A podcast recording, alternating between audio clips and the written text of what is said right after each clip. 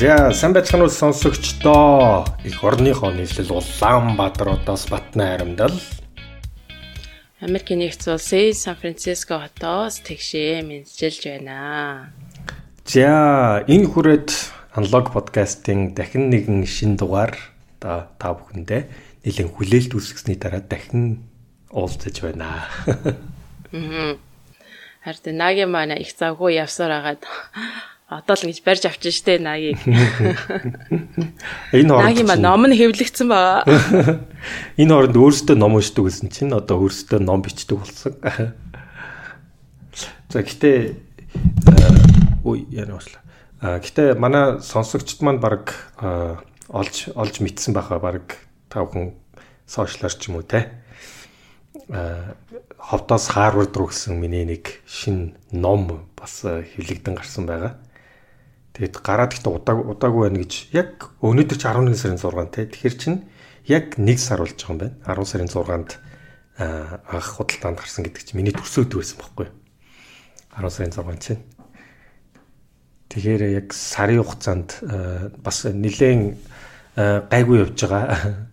Хүмүүс ч гэсэн нэлээд гоё фидбэктэй те бас нэлээд одоо сэтгэл өндөр байх шиг байна.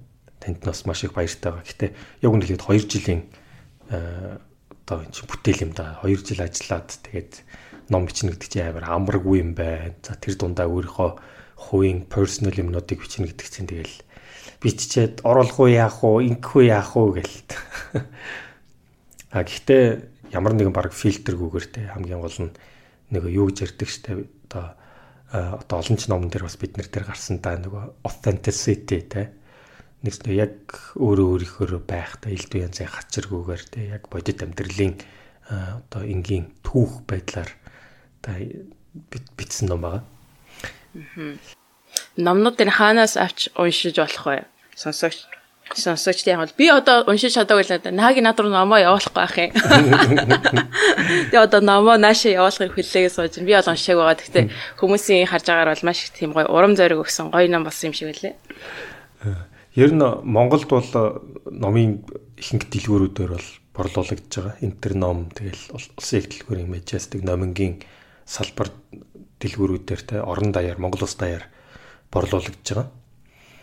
За тэгээ дээрэс нь Гэхдээ дээрэс нь бас нөгөө юу байгаа шнэ. M+ дээр цахимаар бүгдээрээ M+ аппликейшн дээр хөдөлთა шууд хөдөлтөж аваад унших боломжтой. Тэгээ утахгүй бас нөгөө аудио хэлбэрээр гаргахаар одоо би өөрөө заавал гарч ин та. Тэгээ болж үйл би өөрөө хоолоогоор ном унших сонирхолтой байгаа. Яг миний өөрийн түүхэлгээр тэгээд одоо бид нар мэдээж нөгөө одоо Мишель Обама ч юм уу те тэд нар ч юм уу өөрийнхөө хоолоогоор номоо аудио номоо гаргасан байдаг шүү дээ те. Тий энэ удаа бас бидний сонгож авсан ном ч гэсэн би бас энэ аудио хэлбэрээр сонсч байсан. Офра өөрөө өөрөө уншсан уу те? Харин тийм. Аха өөрөө тэгээд хамгийн доктор Перитайгаа хамтдаа уншсан юм байна. Тэгэхээр чи яг нөгөө чи хамгийн одоо амьд те одоо яг жинхэнэ authenticity чинь яг тэн дээр гарах байх гэж бодож байна те. Ялангуяа би өөрийнхөө түүх бичсэн болохоор өөрийнхөө хоолоогоор те яг подкастынхаа хоолоогоор унших юм бол бас сонсогч ч гэсэн илүү ойр байх болов уу гэж бодож байна. Аа. За. За тэгээд э, гол нь монгол хэл дээр хэлвэдэн гарсан ном учраас сонсогчд маань өөрсдөө авч шимтэн заавал уншаарэ. 80 намыг хаа. Тэгээ бид нар унших та нарт уншиж өгөх бас шаардлагагүй те. Яг тэгвэл монгол хэл дээр бүгдээр байгаа юм чинь те. Тий монгол хүн хүний бичсэн монгол хэл дээр гарсан ном байна. Тэгээ бүгдээрээ авч уншаараа гэж бас э, Миний хувьд гэсэн яг чин сэтгэлээсээ хүсэж байна. Ягаад тэгэхээр энэ аналог подкастыг одоо дэ гэдгшээ бид гур бас хийсэн одоо миний хувьд миний өнцгөөс юм л та нэг шалтгаан тэгэл тэр бүх дотор болж саадл явдал бас бэл нэлээд дэлгэрэнгүй орсон байна. За тэрийг уншнаа. За. За тэгээд ямар ч гэсэн ногийн баяргийн намаа гаргасан. Тэгээд бүгдээрээ нам руугаа орцоохоо одоо уншдаг өөртөө уншдаг нам руугаа орцоохоо. За. За. За энэ удаа за тэгшээ маань энэ хүү номыг сонгосон байгаа. Тэгээд уншсны дараа тэгшээ маань их гоё ном сонгочээ гэж бодчихжээ. Аа. Тий. Аа. Нэр нь болохоор гэтээ бас яг яг иймэрхүү нэртэй бас нэг улс төрийн ондоо нэг ном орж ирсэн тий. Энэ удаагийн бид нар бас тий I think дэги та хоёр уншижсэн байх гэж бодож байна. Аа it didn't start with you боо чамд энэ бол чамаар чамаас эхлээгүйдэг нэг бас бидний өмнөөс уншижсэн ном байгаа. Тэрнтэй төстэй. Тэгээд what happened to you чамд юу тохиолдсон бэ гэдэг нэртэй Oprah Winfrey тэгээд Bruce Dr. Perry гэдэг D Perry гэдэг ийм Америкийн сэтгэл судлаач, neuroscientist энэ нэг трама, ялангуяа драмагийн тухай ийм судалгаа хийдэг psychiatrist хүний энэ хоёрын хамтран бичсэн одоо ер нь бол яриа юм да тий хамтран хийсэн юм яриа. Опрагийн шоунуудыг мэдэн штэ тий дандаа ингээд хоорондоо хүмүүс очт нь ирээд ярьдаг тий мэрэгчлэтнүүд ирээд ярьдаг хүмүүс ирж амьдралынхаа тухай ярьдаг. За тэгээд хамгийн анх бараг 20 30 жилийн өмнө хамтдаа шоун дээр оролцоод травмагийн тухай хамт анх ярилцчихсан. Тэрнээс хойш хамтдаа ингээд 20 30 жил ярьсараа сүүл рүү ингээд ном болгоо өөртөө яриаг ном болгоо юм гаргасан ийм ном байгаа. Тэгээ шинэхэн ном бас 2021 онд эхэлсэн яг ковидын дараа бас гарч ирсэн. Хүмүүс бас яг тэр үеэр хэрэг болсон байхаа тийм ном байсан. Тэгэхээр номын маань нэр бол What happened to you буюу те чамд юу тохиолдсон бэ гэж орчуулж болох юм те. Тэгэхээр траума буюу мэдээж нэг хүмүүсийн амьдралд тохиолдсон одоо гашуун явдал гэх юм уу те? Хүнд хэцүү нухчаанууд буцаад эргээд бидэнд сэтгэл зүйн талаасаа ямар нөлөө үзүүлдэг тэр нь буцаад эргээд чамайг дараа шийдвэр гаргахад чиний амьдралд сонголт хийхэд те одоо мэд магадгүй олон жилийн дараа чамаагүй хэрхэн нөлөөлж байдаг талаар яг энэ одоо сэтгэл зүйчээ мэрэгжлийн сэтгэл зүйчээс одоо опера асуулт маягаар асуугаад те танд маш олон сонирхолтой жишээгээр айгүй тийм энгийн хинч харилцан яриаг сонсоод ойлгох хэмжээнд одоо энэ хүн номыг бас бичснээр маш сонирхолтой байсан. Тэгэхээр ер нь бол хүн болгонд хамааралтай гэж одоо шууд ойлгож болно. Яг тэгвэл хүн болгоны амьдралд гашуун ч юм уу хүнд зүйл хизээ нэгэн цаг тохиолдсон байдаг. А тэр нь буцаад эргээд биднэрт хэрхэн биднэрт нөлөөсөн байдаг вэ гэдэг дээр харин бүгдээр асуултын тэмдэгтэй байдаг тийм Ялангуяа миний бас бодсноор би нөө одоо Монголын гаднаас мэднэнүүдийг л хараад сууж байгаа шүү дээ тийм Монголын. Тэгээд ялангуяа хүүхдтэй холбоод энэ номон дээр ялангуяа гарах бол эхний хүүхдийн одоо хүүхэд яг бүр ингэ ялах байхдаа өсөж байгаа тэр үе тохиолдсон травманууд ч юм уу. За эсвэл ингээд бага насны хүүхдүүдэд тохиолдсон гэр бүлийнх нь амьдралаас тохиолдсон хэцүү амьдралууд яаж цааш нөлөөлдөг гарах болно. Тэгээ Монголд бол ингээд мэдээнд гарахад байнга бага насны хүүхдүүд одоо эцэгтэй маш хэцүү амьдралтай байгаа ч гэдэг юм уу эсвэл ингээд сургууль дээрээ нэгэндээ гадар хогцсон ч гэдэг юм уу за эсвэл бүр ингээд хойд эцэг аав ээж нь ингээд маш муухай харцдаг тэгээд хүчрхийлд өрцөн гэдэг ч юм уу? Тийм мэдээ маш их хардаг тэгээд би амар их зүрх өвддөг байхгүй юу. Тэгээ яг энэ дээр хараад энэ номон дээр бол нийт тухай маш их ярих болно. Тэгээд бас ингээд нэг зарим нэгэн жишээнүүд нь бүр ингээд ярихад хэцүү, сонсоход хэцүү тийм жишээнүүд байгаа. Та гэхдээ энэ болыг амьдралдаа тохиолдсон зүйл гэж одоо тэр дотоос нараад яг сонсоод би бүр ингээд уншаал бүр ингээд сэтгэл ингээд зүсгэж амж бүр амар тийм жишээнүүдтэй. Тэгээд бол ийм нэг байдаг. За тэгээд тэр талаас нь хараад яа яа сонсороо гэж бодож байна. За тэгээд номруугаа орой амар урт оршилттай болчихлоо өнөөдөр бүр. За тэгээд номруугаа орохоос урт ном байгаа. Аха. Тийм. За тэгээд номруугаа орохоос өмнө спонсороод ордё. Think Pharma, эрүүл амьдралын хэв маягийг түгээцгээе. Эрүүл мэндийн чанарыг хэмлэгч подкастын ивент тэтгэгч Think Pharma. За тэгээд бүлэг бүлгээр нь яриа. Яриад явъя. Нагийн маань эхний бүлгээр эхлэх байгаа. За тэгээ. За тэгэхээр эхний бүлэг маань опрагийн өөрийнх нь дотоод одоо бодлоос эхэлж байгаа юм л да. Яг опера ялангуяа энэ сэдвийн хүрээнд бол одоо маш өөр юмсгээр хүлээж авсан. Яг тэгэхээр опера ч гэсэн багада маш хүнд хэцүү амьдралыг туулж те одоо багийнхан жоохон хүүхэд байхад нь тэр тохиолдсон гашуун дурсамжууд тэд нэр бүгдээрээ буцаад операд хэрхэн нөлөөлдөг байсан талаар өөрөө ч гэсэн энэ талаар маш их ойлгохыг хүссэнтэй холбоотойгоор магадгүй энэ сэдв бол айгүй тийм бүр дотн тэгээ дээрэс нь бас опeraч гэсэн энэ дээр илэн талангуу өөртөө тохиолдсон баг насны зүйлээ бол илэн талангуу одоо хуваалцдаг байгаа л да. Тэр нь маш сонирхолтой санагдсан. За жил болгон жишээлбэл 130 сая одоо одоо нялх хүүхэд ингээд төрдөг юм байна л да. Тэгээ мэдээж тэр хүүхдүүд болгон те одоо өөрсдөө зарим нь ядуу одоо зарим нь баян ч юм уу те Тэгэл зарим нь янз бүрийн соёл соёлтой тий газруудад мэдээж аав ээжээ сонгож төрнө гэж байдгүй тий. одоо дүрдэг байна. Тэгэхээр дөрөнд үүнтэй холбоотойгоор ингээд одоо ялангуяа сая одоо тэгшээч гэсэн бас зах зугаалсан дурдлаа. Бидний хүүхэд жоохон байж байхад ингээд тохиолдсон зүйлүүд те одоо буцаад бидэнд эргээд том хүн болоход буцаад бидэнд янз бүрийн асуудал гарахад одоо маш том нөлөө үзүүлдгийг бол өөрийнхөө жишээгээр энэ дэр тодорхой гаргаж ирж байгаа. Опера бол бүр баг бахтаа бол аа ээжтэйгээ бас ингээд өссөнтэй. Тэгээд ээж нь бол нэлээд бас нэлээд ядуу. Тэгээд айлд бас айлын хүүхэд тасардаг, ажил хийдэг байсан.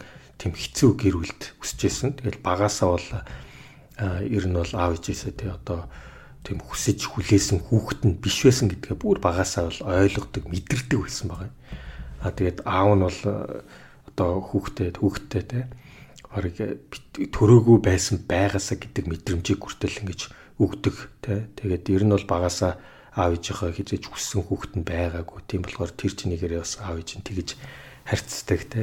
Тэгэхээр тэр чинийгээрээ имэдэр өссөн ш те. Нөгөө ээж нь сингл мам ганц би ээж дандаа ажилдаа бичдэг болохоор ээж нь ч харагддаггүй. Тэгээ ааваагаа бол мэдчихгүй те. Мэдхгүй тий. Тэгэхээр ер нь одоо аав ээжтэйгээ ингээд одоо тогтсон байх хэвээр тэр хоорондын харилцаа ч юм уу тэр бол ингээд маш одоо гачигдaltaа ингэж өссөн байгаа. Тэгэхээр аав ээж намайг хүсэхгүй байна те.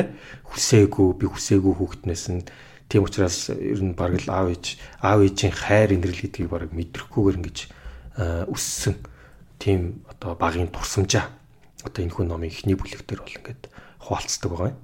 Тэгээд нөгөө аав аав ээжээс ингээд хүүхэд ингээд жоохносоо хүртэл уйлалтай аав ээжийн анхаарлыг байнга өөр дөрөө авч ээж тэг хоорондын бас аав аав ээжтэйгээ ээжтэйгээ ялангуяа ингээд холбоо үүсчиж тэр хүүхдийн одоо тархины одоо хөгжил тэр хүүхдийн одоо эмоц те тэр бүх зөв хүмүүжил одоо зөв хөгжил нь ингээд явдаг юм байна л да.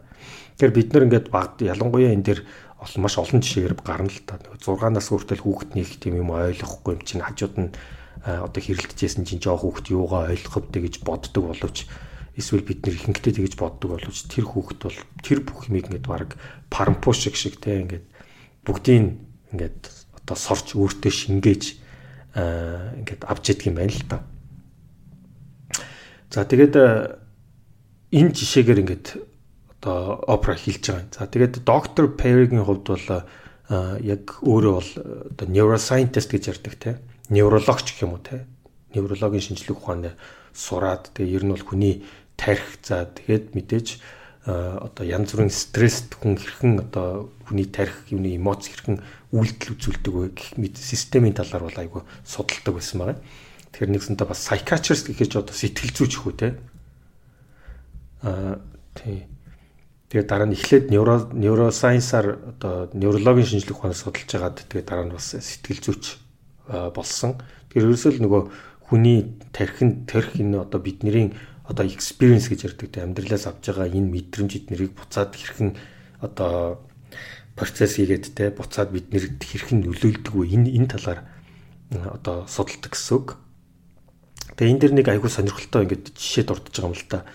Майк Росман гэдэг ингээд нэг амар тийм одоо нэлээ одоо ветеран хэрч нэлээ хөгшинтэй. А тэгтээс нөгөө Америкийн Америк хүн л та Солонгосын дайнд ингээд оролцож байсан. Ялангуяа ингээд дайнд оролцсон хүмүүс буцаж ирээд бол нөгөө PTSD гэж ярьдаг дээ тий. А одоо post traumatic stress disorder буюу тий одоо янз бүрийн тэр амьдралд тэр одоо хүн дайн гэдэг чинь мэдээж хүн алж байгаа, далж байгаа тий хүн хүч байгаа маш их цус нүж харсан амар л хүнд юм байгаа дээ. Тэр хүнд юмны юмны дараа а одоо тэр нь хүнд одоо амар траума болж үлдээд тэрний стресс юм одоо disorder юм л та. Тэгэхээр тэрнээсээ ингээд амар асуудал үүссэн. За тэгэл орой унтаж чадахгүй тэгэл мэдээч ингэ сэтгэлийн готролд ордог те тэгэл буцаад тэр нэг дайнд болж исэн одоо кинон дээр л бид нар нэг гарч ирээд байдаг штэ тэг өөрөөсөө яг одоо биен дээр үзэг болохоор кинон дээр л ингэж төсөөлөгдөд надад ч гэсэн ном уншиж чад кинон дээр төсөөлөгдөж байгаа юм шиг л санагдчихсэн. Тэгэд нэг мэдээж тэр ингээд хөгшин хүнтэй ингээд бусдаараа болохоор зөв зүгээр байдаг. А тэгэл ингээд нэг бас нэг одоо ойролцоо насны нэг одоо имгэнтэй гэх юм аа. Имгэн бол. Ойролцоо насны нэг эмэгтэйтэй тэр хоёр ингээд дээдлж ирсэн байна л да. Тэгээ дээдлээл тэгэл хамгийн гол нь тэр нөгөө Сали гэдэг эмэгтэй гэн те. А тэгээд яг уу майк болохоор тийм асуудалтай. Яг тэр нөгөө буцаад нөгөө залуудаа тэр солонгосын танд явжсэн болохоор тэрнийхээ юм нэгэ буцаж ингэж хөгдөж гарч ирээд сэтгэл зүйнтэй нөгөө асуудал үүсдэг. Тэгээ нэг удаа тэр хоёр ингээ орой явж байгаад ингээд орой хоол идчихээ явж байгаад ингээд жишээ юм л та. Ингээд моцикл хажуугаар ингээд өнгөрсөн байл та мэдээж моциклийн дуу бол дүн дүн дүн гэл амар хүчтэй дуудаа те. Тэгэн гууд гів гинт те. Тэр хүний юм сэтэрдэг юм байл та те. Тэгэл гів гинт нэг бол нөгөө амар сонин ааштай болол тэгэл бүр ингээл те зүрхэн гинт ингээл хүчтэй цогтлол нь гараал те. Тэгэл бүр ингээд арьснаасаа ингээд гарч үсэрмээр санагдаал. Тэгэл ерөөсөө тэр чигтээ цугдаал гэртээ очиод одоо баг тасартлаа ингээд уурчдаг. Тэ? А тэгээд баг тэрийгэж өөрөө баг ингээд мэддгүү те. Тэгэхээр тэр нь юу гэхээр нөгөө хүний тарих одоо мэдээж тэр нөгөө моторын дуу болохоор яг тэр одоо дайны үед те жишээлбэл одоо яг тийм моторын дуу шиг дуу гараад тэр үедээ яах вэ гэхээр мэдээж дайн юм чинь одоо магадгүй тэр одоо онгоц яваал те бөмбөг дэлбэлж байгаа хэл та. Тэгэн гот хүний нэг одоо стресс нь оргилдоо хүрээд тэр үед ямар шууд ингээд хүний стресс яг тэр үед ингээд хүний одоо хамгийн логик тарихтай кортекс ажиллагаа болоод шууд хүний эмоц эмоц хариуцдаг тарих шууд одоо хүний контролдоо те хурдан зух хурдан хариу үйлдэл үзүүлээд нөгөө бие амиа аврахын тулд хариу үзэл үзүүлж байгаа юм л та. Тэгэхээр тэр нь буцаад нөгөө яг хүний тэр дуу оо чанга моторын дуутай холбоотой ингээд тогтцсон. Тэгээд дараанд аим адилхан дуу сонсогдонгууд хүний тарих автоматар одоо яг нөгөө дайны үед болж байгаа юм шиг бодоод шууд хариу үйлдэлээ нэхэж эхэлж байгаа юм л та. Тэр нь болохоор шууд зүхтаал тэгэл тэрнээсээ гарахын тулд ингээд одоо тасагтлаа архиудагтай. Тэгээд тэрийгээ болохоор дараа нь өөрөө ч ингээд тэрийгээ итгэснээс мэддгүү ойлгодгоо те. Тэгэхээр энэ жишээгээр юу хэлэх гээд байна вэ гэхээр нөгөө одоо мэдээж хүний тарих одоо энэ хүний тарихыг одоо энэ одоо яг энэ номон дээр одоо энэ жишээнүүдээс тулгуурлаад ингээд одоо шинжлэх ухаан талаас нь айгүй гоё тайлбарлаж байгаа юм л та. Мэдээж хүний хамгийн том хэсэг нь тарихны хамгийн урт талд байдаг хэсэг нь болохоор кортекс гэдэгтэй. Кортекс бол дандаа логик сэтгэлгээгээр боддог одоо бидний одоо зөв шийдвэр гаргадаг, боддог, тунгаадаг тарих бол кортекс гэдэг энийг бид нар мэдээж бусад амьтдаас хамгийн илүү хөгжүүлж чадсан учраас өнөөдөр хүртэл ингэж одоо хөгжиж хөгжсөн байдаг те. А гэхдээ хүний бас нөгөө эн чинь бол тархины нэг хэсэг нь те том хэсэг нь л те. А тэгээд цаашаага а одоо бүр одоо тархины гүн рүү те ёроол руугаа ингээд ороод эхлэхээр те одоо хүний биеийн температурыг тохируулж яддаг те хүний амьсгал зүрхний цогцолтыг ингээд контролдж яадаг тархины хэсэг байгаа. За тэрийг болохоор нөгөө хүний араат нь араат нь тархич гэж бас бид нар хэлдэг те. Тэр нь болохоор нөгөө хүнээс бодохгүйгээр одоо мэдээж зүрхний цогцолт бол хүн за зүрх цохин шүү гэж бодохгүйгээр цогтөг шүү дээ. Тэгэхээр энэ тэр одоо маш олон зуун жилийн турш ингээд те шалгарлаар хүний ботсон бодоогүй шууд автоматар хийдэг үйлдэлүүдтэй тарих маа л та. За тэгээ мэдээж хүний нөгөө эмоцийг бас өдөрддөг хэсэг яг ялангуяа бид нар эмоц хитэрсэн одоо ууралсан ингэсэн үедээ огт хүнд хилмээргүй дараа нэгэ ботчоод санаа зовмор ч юм уу үг гэлцэн байдаг штэ. Тэр болохоор нөгөө хүн хитрхи ууралсан эмоц өндөртөө үедээ нөгөө ургуул одоо логик тарихаар боддог кортексээ ботохгүйгээ шууд алгасаад илүү нөгөө хараатан тарих руугаа одоо эмоцороо тий одоо тархиа баг одоо номон дээр бас хэлдэм л да. Нөгөө хайжак гэдэг дээ тий баг ингээд дээрэмдүүлцдэг гэж юм л та. Тийм болохоор нөгөө хүмүүс бити их одоо ууралсан эмоц өндөртөө үедээ бити үг хэлчих хүнд битгий одоо үг хэлчих юм уу те. Эхлээд тайвшруулж яаж заавал одоо үгээ хэлж гэдэг юм уу. Тэр нь болохоор илүү нөгөө буцаа тайвширна гэдэг нөгөө буцаад нөгөө кортекс буюу логик тархиа ажиллаад эхлэхдээ эсвэл тэрийг илүү ашиглах боломжийг өөртөө олгох хэрэгтэй байна. Тэгэхээр яг хүний тарих нь бол яг ингээд дөрвөн хэсэг юм байна. Cortex тэгээд brainstem тэгээд encephalon тэгээд limbic гэсэн ийм дөрвөн хэсгээс бүрддэг юм байна. Орчуулгыг нь бол мэдгүй те орчуулга бараг байх За тэгээд хамгийн гол нь хүний нөгөө хамаг туршлага ба штэ тэгээд дандаа доороосоо ингэж дээшээ явдаг юм байна л та. Тэгээд доороосоо гэхээр хамгийн бүр нөгөө юунасаа тэр брейнсtem буюу тэр одоо нөгөө хараатан тэрхээс эхэлж явсаар байгаа. Тэгээд хамгийн кортекс буюу хамгийн оройд нь байгаа те нөгөө логик сэтгэлгээгээр одоо боддог те. Тэгэхээр нэгсэндээ бид нар ботхоосоо өмнө одоо реакцлж гаддаг ботхоосоо кортекс дээр хүрэхээс өмнө тэр нөгөө мэдэр мэдэрдэг те. Одоо нэгсэндээ тийм болохоор ингээд заримдаа маш олон шийдвэрүүд бодохгүйгээр ингээд хүчээр гарчих гаддаг юм байна л да. За За тэгээд энэ дээр бас нэг бидний энэ дээр заавал ойлгох хэрэгтэй юм. Ялангуяа энэ дээр аав ээж нар ч юм уу сонсож байгаа бол тэ жоохон хүүхэд аав ээж нар сонсож байгаа бол бид нар жоохон хүүхдийн тарихтэй одоо мэдээж 6 энэ дээр чи баг 6 7 нас хүртлээ мэдээж ингээл бүрлдэлтэй ингээд бүрлдэж явахдаа ингээд нөгөө илүү одоо хөгжлийн шатантай явж байгаа те. Тэгэхээр энэ үед тэр жоохон хүүхдэд те тохиолдсон амьдралд нь тохиолдсон янз бүрийн асуудлууд те одоо трама буцаад тэр хүүхдэд одоо маш одоо бүр disproportionately powerful гэж ирж байгаа те. Тэгэхээр нэгсэндээ дараа үед нөлөөлөхөөс илүү хүчтэй нөлөөлдөг юм байна л да. Тэгэхээр жишээлбэл бүр жоохон үедээ те одоо жишээлбэл бусдаар одоо юу гэдгийг муухайгаар хэлэхэд хүчин дүүлсэн ч юм уу те. Бусдаар эсвэл сэтгэл зүйн шарх авсан тэр зүйлүүд нь болохоор тэр хүүхдийн одоо ирээдүйд ер нь тэр хүүхдийн ямар хүн болохыг нь те бас ингээд тодорхойлоод тэр үтгийг хэл тэр хүүхэд буцаад том болоод дараа нь харт амхин ч юм уу элдв янзын асуудалд орох ч юм уу те тэрийг нэг тодорхойлж гэдэг тийм тийм одоо бас хүчтэй байдаг юм байна л да. Тийм болохоор бид нэр жоохон хүүхэд одоо юу л ойлгоо гэж юу л мэдүү гэж гэж хитрхи одоо одоо ер нь бол буруугаар ойлгох гэдэг талтай юм байна. Энэ юмнаас би бол тэрийг бол айгүй сайн ойлгосон. Энд дээр тэгшээч гэсэн бас чи бас тэгж бодсноо те. Тэгж ойлгосон үстэй.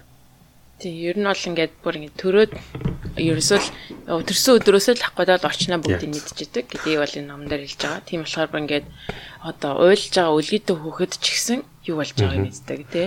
Уйлтаа үлгээж байгаа хөөх тий. Уйлж ин гэдэг чинь нөгөө одоо анхаарал авах гэдэг гэсэн үг байхгүй тий. Тэгэхээр ээжтэйгээ аваад ээж нь өөрийнхөө биедээ ингээд наагаад тий. Аа тэгэхээр тэр жоохон хүүхэд ээж хоёрын хоорондын тэр connection тэгж одоо нэгсэндээ үүсэж байгаа юм л та. Тэгэхээр тэр жоохон хүүхд ерөөсөө одоо юу хүлээгээд байна вэ? Одоо эсвэл одоо одоо regulate буюу те одоо нэгсэнтэй илүү тайвшралтай тэр хоёрын хоорондын ойлголцол те тэр бүхнийг энэ бол гэхдээ заавал нөгөө ээж явах алахгүй тэр жоохон хүүхдэд одоо асарч байгаа хүн гэдэг утгаар нь бас хэлэх хэрэгтэй байх гэж бодож байна. Тий. Одоо тэгэхээр тэр хоёрын хүний хоорондын харилцаа л байхгүй юу? Тэгэхээр тэр нь буцаад тэр хүүхдийн тархины хөгжилд буцаад тэр хүүхдийн тэ одоо нэг зөндөө бас эмоц тэр тэр бүхэнд ингээд э, одоо шууд бас аа нөлөөлж ядг юм байна.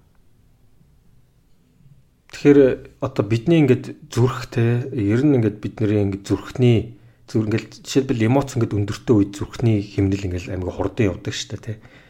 За тэгэл айгу тайван үед бол зүрх ингээд одоо тогтмолтой цохилдог гэх мэт. Тэгэхээр ер нь энэ дээр одоо опера хэлж байгаа юм л да нөгөө бидний зүрхний одоо химнэлэнтэй одоо бидний бие ямархуу байгааг биднэрт байнга тийм мэдээллийг бол бас нэг өгч идэг эргэтэн гэж байгаа юм л да тий.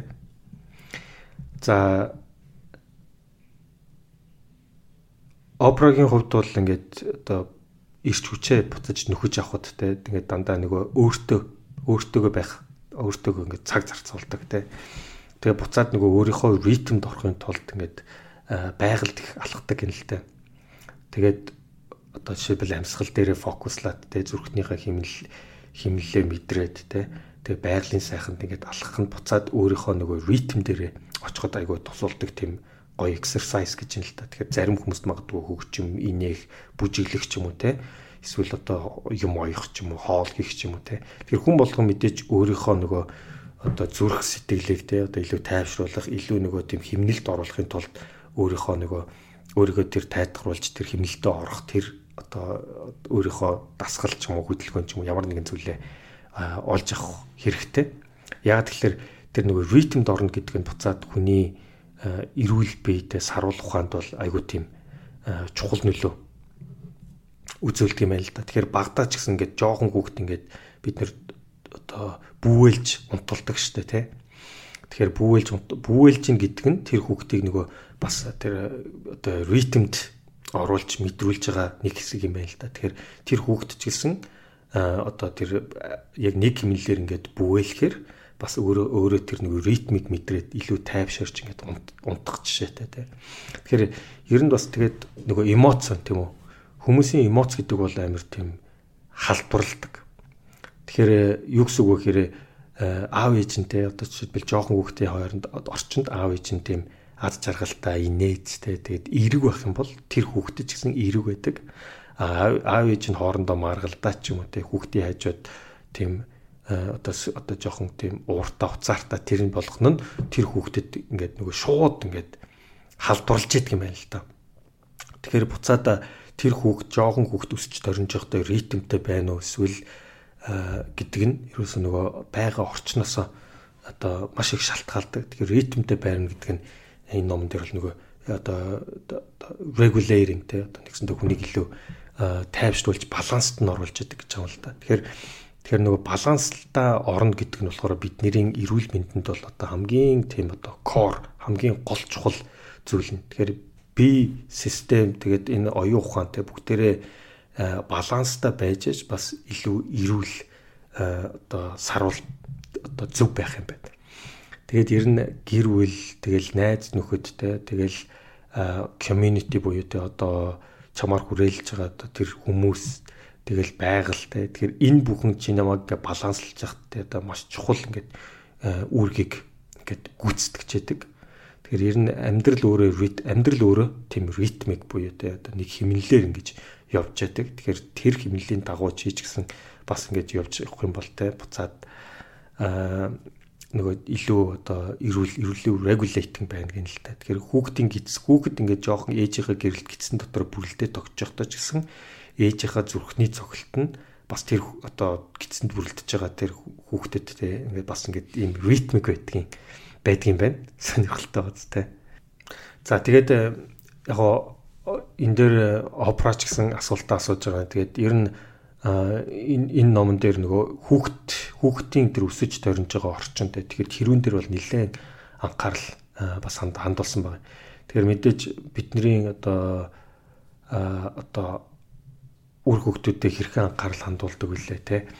За тэгээд маш олон аав ээж нар бол өөрсдөө завгүй яваад тэг үр хөвгтийнхаа яг ингээд өсөж төрнж байгаа тэр үед нь хангалттай дэмжлэг өгч чаддаг үлээ эсвэл ондоо хин нэгэнд те хариуцлах нь олонтоо байдаг. Тэгэхээр тэрнээсээ буцаад яг нөгөө яг тэр баг насандаа авах зайлшгүй шаардлагатай тэр балансаа ч юм уу ритмэ ч юм уу те эсвэл тийм regulating ч юм уу те одоо нөгөө тэр зүйлийг ингээд хангалттай үр хөвгтөд өгч чадж байгаа болов буцаад тэр баг одоо багийнхан тэр өсөж төрж байгаа орчин нь тэр хүүхдэд одоо ямар их нөлөөтэй байдгийг илүү одоо underestimate байдаг илүү дандаа одоо ямар хүчтэй нөлөөтэй байдгийг те мэдтгүү ойлгохгүй эсвэл те ингээд орхио явцсан нь ингээд дараа нь маш том ингээд алдаа алдаа болдгоо гэж хэлж байгаа. Тэгэхээр ер нь балансаасаа л гарчхаар яадгүй хэрэг хүний нөгөө автоматар одоо стресс response system байж тээ тэ одоо нэгсэнтэй одоо олон сэтгэл зүйн ном дээр гарч ирсэн та тавхан санаж байгаа нөгөө fight or flight гэж одоо зөндө ашиглаж байсан шүү дээ. Эсвэл одоо тэр нь тулалд эсвэл зүхт те. Тэр юу гэсэн үг гэхээр нөгөө хүний тэр нь одоо хүний нөгөө хараатан тархины одоо хариу үйлдэлтэй. Хүн ингээл одоо жишээлбэл бүр ингээд тийм одоо зэрлэг амтан байхад те одоо жишээлбэл одоо тэндээс арслан гүг гараад ирэхэд хүн бодохгүй шууд одоо зүхт эсвэл арсланг алахгүй. Хэрвээ алж чадахгүй шууд зүхт те бодох сөхөө байхгүй гэсэн үг шүү дээ. Тэгэхээр энэ хүний аратан тархины тэр нөгөө хариу үйлдэл нь бол одоо хүртэл биднэрт маш гүнзгий байдаг. Тийм болохоор хэрвээ баланснаас те ингээд ритмээс ингээд бид нэр гарчхаар л автоматар тарих яадаг вэ гэхээр нөгөө тэр зүхтул эсвэл одоо зодолт гэсэн системийг шууд авч ажилуулчих гэдэг юм байна л да. Тэгэхээр тэр систем буцаад хүний хүнийг баланснаас нь гаргадаг тэг буцаад хүнийг одоо одоо сэтгэл зүйн талаас ч гэсэн асуудалтай болгодог мэдээж эрүүл мэндэнд те одоо маш муу. Яг тэгэхээр чинь чинь гинт гэвд одоо нөгөө хүний одоо бодисын ялгаралд нөхөртөл өөрчлөгдөн штэ зүрхний хэмнэл гинт амар өсөөл тэгэл одоо нөгөө даралт төсөөл хурд одоо хүний булчин эднэр чинь ерөөсө зодтолтоход бэлдэн болоод эхэлж ийн гэсэн үг байхгүй. Тэгэхээр байнга тийм мэдрэмж өгөө хэрвээ өөртөө ингээд аваадах юм бол энэ нь одоо эрүүл мэндийн талаас гэсэн маш муу. Тийм учраас одоо бид нэр өөрсдөө илүү одоо баланстай тэ одоо энэ одоо респонсыг гаргахгүй байх хэрэгтэй. Тэгэхээр эмоцийн хувьд ч гэсэн огцом тийм уурлах, огцом одоо тэ огцом эмоцуд бол буцаад энэ энэний бас нэг илэрлэл юм л та тэ. За за энэ хүрээд энэ удаагийн миний бүлэг өндөрлөж байна. Аха. За за дараагийн бүлэг маань болохоор ерөнхийдөө бид нэр хэрхэн хайрлагдчихсэн бэ багтаа тий. Ялангуяа хүүхд байхдаа гэдг нь хэрхэн бид нарт одоо нөлөөлдөг вэ? Өөртөө буцаагаа том болоод хүмүүсээ хэрхэн хайрлахад нөлөөлдөг гэдэг дээр гарч байгаа юм л да. Тэгээ жишээ минь энэ бүлэг маань болохоор нэгэн жишээгэр эхэлдэг. Тэр нь болохоор ингээд 21 настай ийм залуухан ээж 3 настай хүүхэдтэйгээ ингээд харилцаа үүсгэх гээд ингээд сууж байгаа юм л да. Яасан бэ гэхээр нөгөө нэг энэ ээжийнхэн тухайд явах юм бол ээж нь багада бас ингээд өөрөө 2 3 настай байхдаа өнчрөөд тэгээд асрамжийн газруудаар явж исэн. За тэгээд маш олон гасрамжийн газрын тэнүүгээр ингээд яваад тэгээд асарч исэн айлууд нь ч гэсэн олон газар дамжиж исэн. Тийм болохоор ерөөсөө өөрт нь бол яг эцэгхийн хайр бол аа за гэр бүлийн хайр гэж юусоо байгаагүй жил болгонд ингээд нэг асрамжийн газар солигддаг байсан сургуулийн солигддаг байсан. Тэг ер нь бол тийм нэг Америкийн тийм хүүхд тасрах тийм систем байдаг. Тэр системээр өсөж торинсон гэсэн. За тэгээ 18 нас хөрөнгөд нугаас нөгөө нэг том хүн болцсон гэд тэр системээсээ гарчиж байгаа хгүй. Тэгээ өөрөө амьдралаа авах болно гэд. За тэгээ 18 нас хүрээд системээсээ гарангууд гудамжинд гараа тэгээ тэнчэнээс хүүхдтэй болоод тэгээд 3 настай хүү хүүхд хүү төрөлсөндөө тэр нь одоо 3 настай. За тэгээд буцаагаад нөгөө нэг ажилгүй тэгээд юу одоо гудамжинд амьдарч байгаа учраас буцаагаад Америкийн систем нь хүүхдийг нь дахин авчиж байгаа байхгүй юу. Тэгээд тэр хүүхд нь болохоор бас ийм системээр өсөж байгаа юм. За тэгээд энэ энэ жишээн дээр болохоор юу байсан бэ гэхээр энэ удаа тэр хүүхдийг нь харж байгаа гэр бүл нь тэр төр харж байгаа гэр бүл байгаа шүү. Тэр нь энэ ээжтэй нь уулзуулъя баг багаар ээжтэй нь ингэж уулзуулъя гэдэг тийм сайхан сэтгэлтэй гэр бүл тараа. Тэгээд энэ доктор Перитэй бас холбогдоод за тэгээд нөгөө ээжтэй нь ингээ Глория гэдэг энэ эмэгтэйд ингээд уулзаж байгаа байхгүй юу. За тэгээд мэдээж уулзлан дээр тэр хоёрын хоорондоо юу ч ярихгүй гурван настай хүүхднийг гайхаад хараад тий. Гэтэ ингээд баг болгоноор ингээд 7 хоног болгоо нэг удаа ингээд хоёр хэдэн одоо 30 минут ч юм уулзах нь бол ингээд маш чухал. Энд чинь ингээд ийм ээжийн ээж болон хүүхдийн ийм одоо байгаа тэг connected team relationship-ыг бол ингээд үүсгэж байгаа юм л да. За тэгээд тэгсэн чинь энэ удаа ингээд харахад амар хэцүүтэй зөрөх хөвдөм тийм юм байгаа байхгүй. Тэгээд энэ удаа болохоор энэ 21 настай юм залуу ээж бас өөрөө харилцааны тийм асуудалтай. За тэгээд нэг удаа болохоор чихэр аваад ирсэн. За тэгээд тэгсэн чинь ажилчид нь болохоор ингээд ханаас нь харж байгаа байхгүй. Тэр чинь нөгөө нэг ийм сэтгэлийн докторгүй ээжтэй болоогоос энэ хэл хүүхдийг уулзлахгүй те энэ хүүхдийг нь хамгаалах гал байгаа системийн талаас нь тэгээд тэгсэн чинь чихэр аваад ирсэн байгаа. Тэгээд тэр уулзсан дээр бол чихэр авч явчихгүй гэдэг дүрмтэй тэрийг мэдчихэж байгаа. Тэгээ нөгөө нэг хүмүүс ингээд энэ чихэр аваад ирсэн байж нэ болохгүй одоо нэг гарга тэгж ясан чинь пери болохоор хэлсэн байгаа байхгүй. Хүлээж энэ бол э, би чихэр авахыг зөвшөөрсөн юм аа. Гэхдээ энэ бол чихэргүй чихэр нөхүү нь болохоор чихрийн хашилтай байсан учраас за энэ чихэргүй чихэр байгаа. Яа тэгэхээр Флори өөрөө нөгөө нэг маш олон тийм харах байгууллагуудаар ингээд өнчин өнчөө хүүхдээ асрах газар руу явж байхад тэнцээ ганц удаа хайрыг мэдэрсэн болохоор юу байсан бэ гэхээр тэрийг хардаг бас нэг хүн чихэр өгдөг байсан байхгүй. Тэгэхэд л анхудаа амьдралдаа анхудаага аа чихэр гэдэг бол хайр юм байна гэж ойлгосон. Тэгээд тэр тэрнээс өөр хайрыг ерөөс нь мэдэрч байгаагүй. Тэгээд чихэр гэдэг бол хайр юм байна гэд тэгээд өөрийнхөө хайрыг илэрхийлж байгаа хэлбэр нь болохоор хүүхдтэй 3 настай хүүхдээ чихэр авчирч өгсөн. Тэгээд Пери болохоор энийг чихэргүй тийм чихрээр сольж өгсөж ирүүл чихэрсэн байна тэгж ингэж өөрөө хайраа одоо хүүхдтэй мэдрүүлж байсан. Тэгэхээр энэ чинь юу хэлэх гээд байна вэ гэхээр аа яаж өссөн тий яаж хайрлуулж өссөн тэр нь ингээд буцаагаад өөрөө хайраа илэрхийлэх тэр зүйл нь болдог. Хэрвээ хайрлуулж өсөөгөө бол хүнийг хайрлахыг яаж хайрлахыг мэддэггүй. Энэ нэмэгтэй бол харин энэ залуу ээж бол өөрөө хизэж хайрлуулж өсөөгөө чихэр хайр юмаа гэдэг тийм ойлголттой өссөн учраас ингэж л өөрийнхөө хайрыг илэрхийлж байгаа байхгүй. За тэгэхээр хүн гэдэг зүйл бол угаас нийгмийн амьтан байдаг. За тэгээд нийгмийн амьтан тэгээд дээрэс нэмээд нийгэм дотор ороод хайрлуулагдах гэдэг бол нийгэмд байгаа бас нэг шалтгаан болохоор бусдаар хайрлуулдаг, бусдаар хүндлүүлэгдэх гэдэг нэг тийм зүйл байгаа шүү дээ. Тэр нь хүний бас нэг одоо хамгийн ихний хэрэгцээ шаардлага байхгүй хүн болж төрсөн тийм. За тэгээд тэр гэдэг зүйл бол баг насн дээрс нь ялангуяа бүр няраа хүүхэд байхаас нахгуулаад маш их томоор нөлөөлж идэг. За няраа хүүхэд байхад бол ингээд нэрээ хөөхт болохоор уйлдаг штэ тий. Уйлах ч юм уу. За эсвэл өсгөөрөө уйлдаг. Эсвэл одоо одоо биеийн тавгүй бол ялангуяа нойтон байна гэхээр уйлдаг. Тэгтэн тэр хүүхдийг асарж байгаа одоо ээж нь юм аав нь гэр бүлийнх нь хин нэг нь асарж байгаа штэ тий. Тэр асарж байгаа хүн ирээд а хоолыг нөгөөд өөрийг нь тухтай ойлгоход тэр жоох өгөхөд хайр гэдэг мэдэрч байгаа байхгүй юу. Тэгэхээр өөрөөр хэлбэл за би уйллаа Тэгэнгүүт нөгөө нэг одоо тархин алидын ингээд мэдэрдэж за би уйлахаар хин нэг намайг хайрлах гэж намайг асрах гэж ирдэм байна. За би тэгэхээр миний дутаа дутаа байдлыг энийг одоо хангадсан байна. Гэт энэ чинээс ахгуулаад хайр нэг эхэлж байгаа. Одоо өөрөөр хэлбэл энэ чинь ном дээр гарчсан бол core regulatory network юу тархин дотор тэр нөгөө нэг одоо амьдрал одоо амьдралын тэр жижиг одоо паттерн одоо амьдрал тохиолдох бүх зүйлүүдийг ингээд багцлал ингээл одоо тэр хүн ч сурж байгаа юм л да тий. Ингүүл тэдэм байх, ингүүл тэдэм нэлэх хүүг сурж байгаа. Тэр бүх системүүд нь болохоор бүр анхны одоо уйлалтаас авахгүй эхэлдэг. Тэр үед тэр хүүхэд одоо хин нэгэн ярьж тэрийг одоо хайр гэдгийг мэдрүүлж гин үү, асарч гин үү, асралтанд хайртай хайр гэдгийг ойлгуулж гин гэдэг ингэж бүр тэр анхны нэгт анх төрсөн өдрөөс л эхэлж мэдрэгддэг ба. За тэгээд ялангуяа энэ ном дээр дахин дахин гарах болон тэрний үйллэр хүүхэд гэдэг зөвлөл одоо эхний ялангуяа бүр ингээд 2 нас хүртэлх өсөж төрөнсөн орчин 2 нас хүртэлх байсан тэр одоо ертөнцийг ойлгосон тэр одоо байгаа зүйл нь болохоор хамгийн их нөлөөтэй байдаг. Өөрөөр хэлбэл энэ процесс гэдэг нь болохоор энэ тархины хөгжил гэдэг нь болохоор front loaded буюу эхэндээ тэр эхний хэдэн жилүүдэд ойлгосон зүйл нь болохоор хамгийн одоо их нөлөөтэй байдаг. Ялангуяа тархины сүлжээнд тий тэр нь болохоор core regulatory network хамгийн их байдаг. За тэгээ бага насандаа амссан трауманууд нь айгүй их нөлөөлдөг байна. За тэгээд бага насндаа бол ингээд яг тэр development adversity ба одоо хүүхэд өсөж явах одоо хүн гэдэг зүйл өсөж явахдаа бол хэд хэдэн төрлийн тийм одоо хэцүү байдалтай тулж болох юм байна л да. Нэгдүгээр нь болохоор мэдээж төрхийн өмнөх.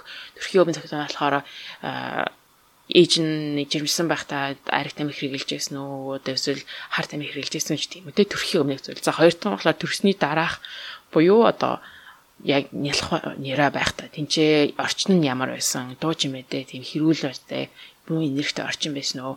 Ерөөсөө тэр хүүхдийг хэн асарж байсан те? Стресстэй байсан уу? Жохон нэг настай хэдэн сартай хүүхэд ч гэсэн бүх стрессээ мэдэрдэг те.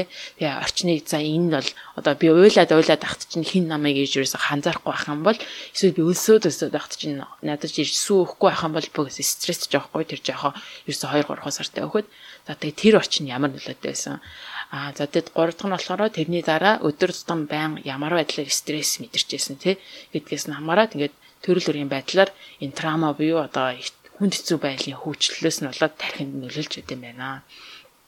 За тэгээд ялангуяа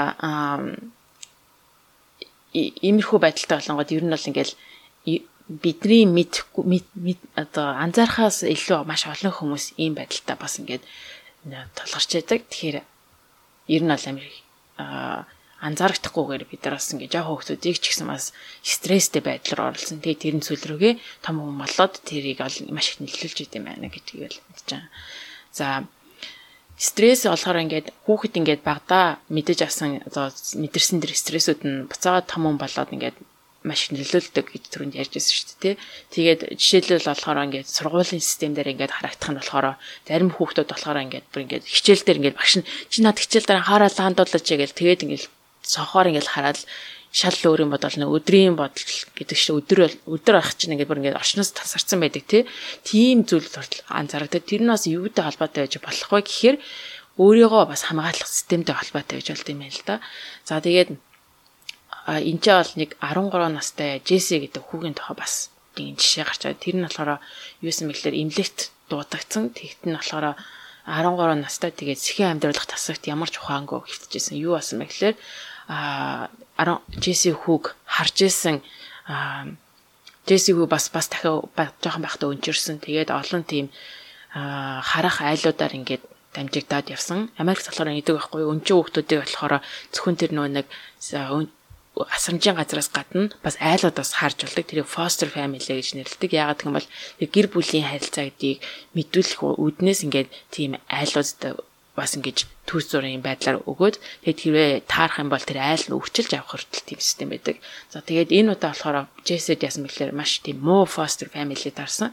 Тэгээд тэр гэр бүл нь ингээд тэр хойд аав гэсэн шүү дээ зодоод сүл рүүгээ JC ингээд аж цоцдгоос учраас цутааж явж байгаа. Тэгээд сүл рүүгээ ингэж халтарч унаад тэгээд тэгсэн чинь ингээд яаж юм тархины тархины гимтэлтэй болоод тэгээд ингээд ерсхийн амьдралд бас ирсэн. Тийм маш их хүн хэцүү байсан. Тэгээд анханасаа гэр бүл ямар гэр бүлд Джесси төрж өссөн бэ гэхлээр ээж нь ээжээгаа ч гэсэн мэдэхгүй. За тэр гэр бүл нь болохоор хүүхдийг хүчрхийлдэг. За тэгээд тэрнээс гадна хүүхдээр нөгөө хүүхдээр бэлгийн хүчрхийлд оруулж мөнгө олдог. Молестер гэж үг шүү дээ. Тим гэр бүлд хар тамхитай бас араас тим гэр бүл төрсэн. Тэгээд ингээд системийн Америкийн систем нь болохоор тэрийг тэр гэр бүлээс гаргаад дахиад ингээд хүчээсийг хамгаалах гэсэн боловч тэр хамгаалж ясан гэр бүл нас шиг муу гэр бүлсэн байгаа байхгүй. За тэгээд энэ чи яасан мэхлэр өмнөх анх төрсэн аав нь болохоор амар зодддаг байсан болохоор тэгээд айгаад тэр аавыгаа харахаараа зүрхнийх нь одоо ингээд цохилт нь маш өндөр болоо түрүүний дээг 80 хэлжсэн fight or uh, flight гэдэг тэр нөгөө нэг мод руугаа шилжээд амар өндөр цохирхны цохилттой байдаг гэсэн.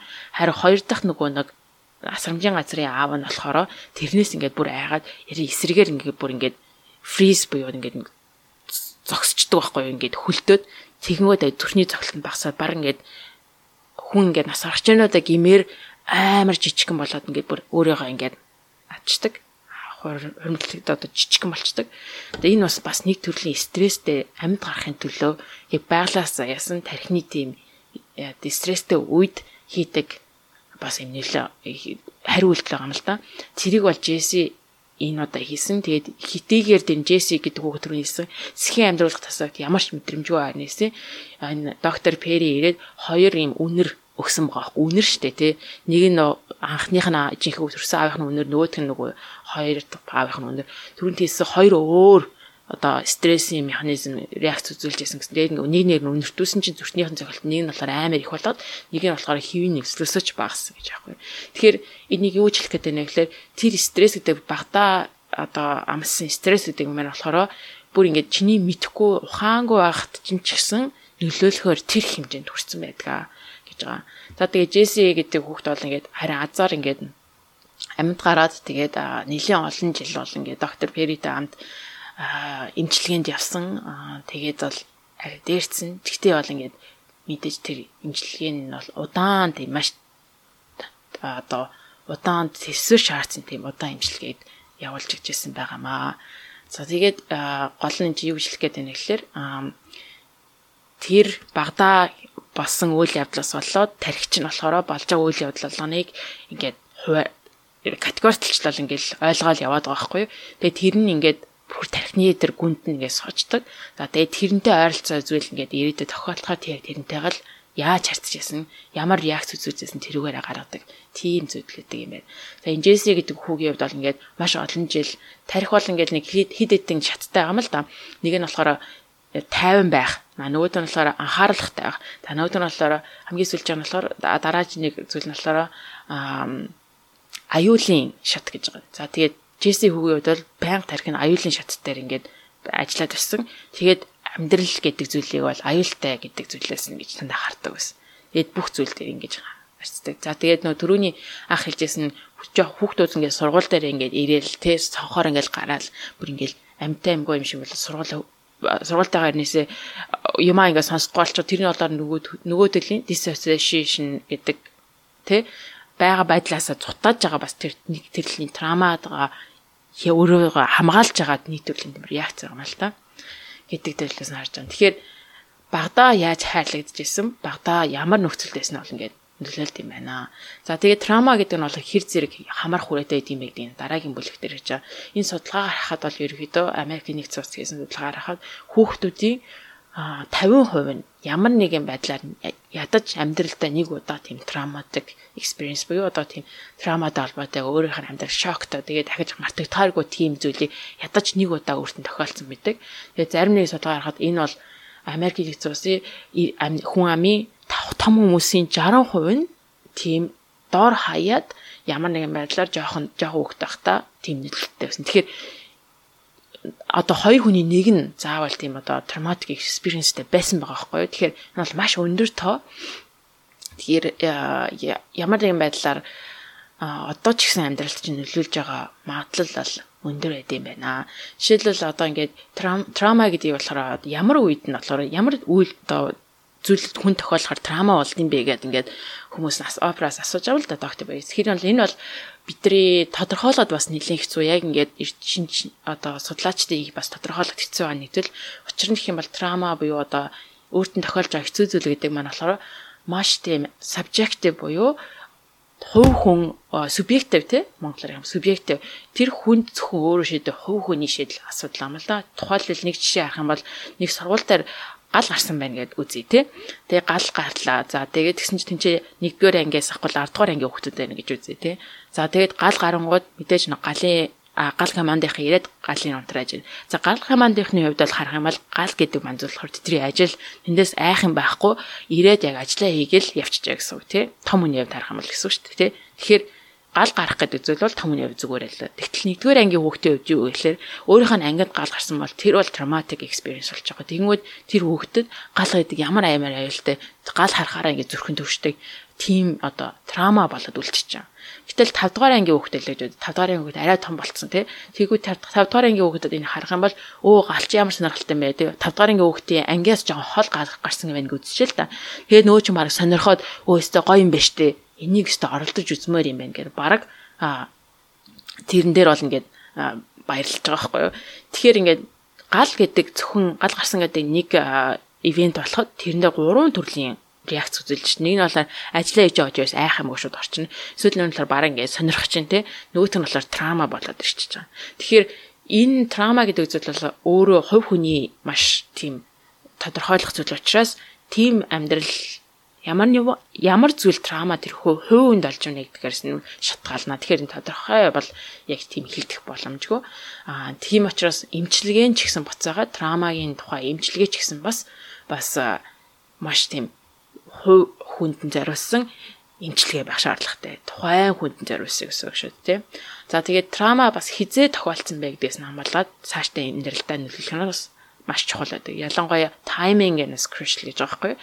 Тэгээд дахин дахин хэлэхэд багадаа тохиолдсон трама нь одоо том болоод тохиолдсон трамаас илүү их амьдралд чинь хамгийн их нөлөөж идэг. Тэ багадаа ингээд хит хитгэн минут ч гэсэн трамад ороход тэр нөлөөлөл нь болохоор том болоод орсноос бол маш их өндөр нөлөөтэй байдаг. Ялангуяа тэр хөгжиж байгаа тархины хувьд тий.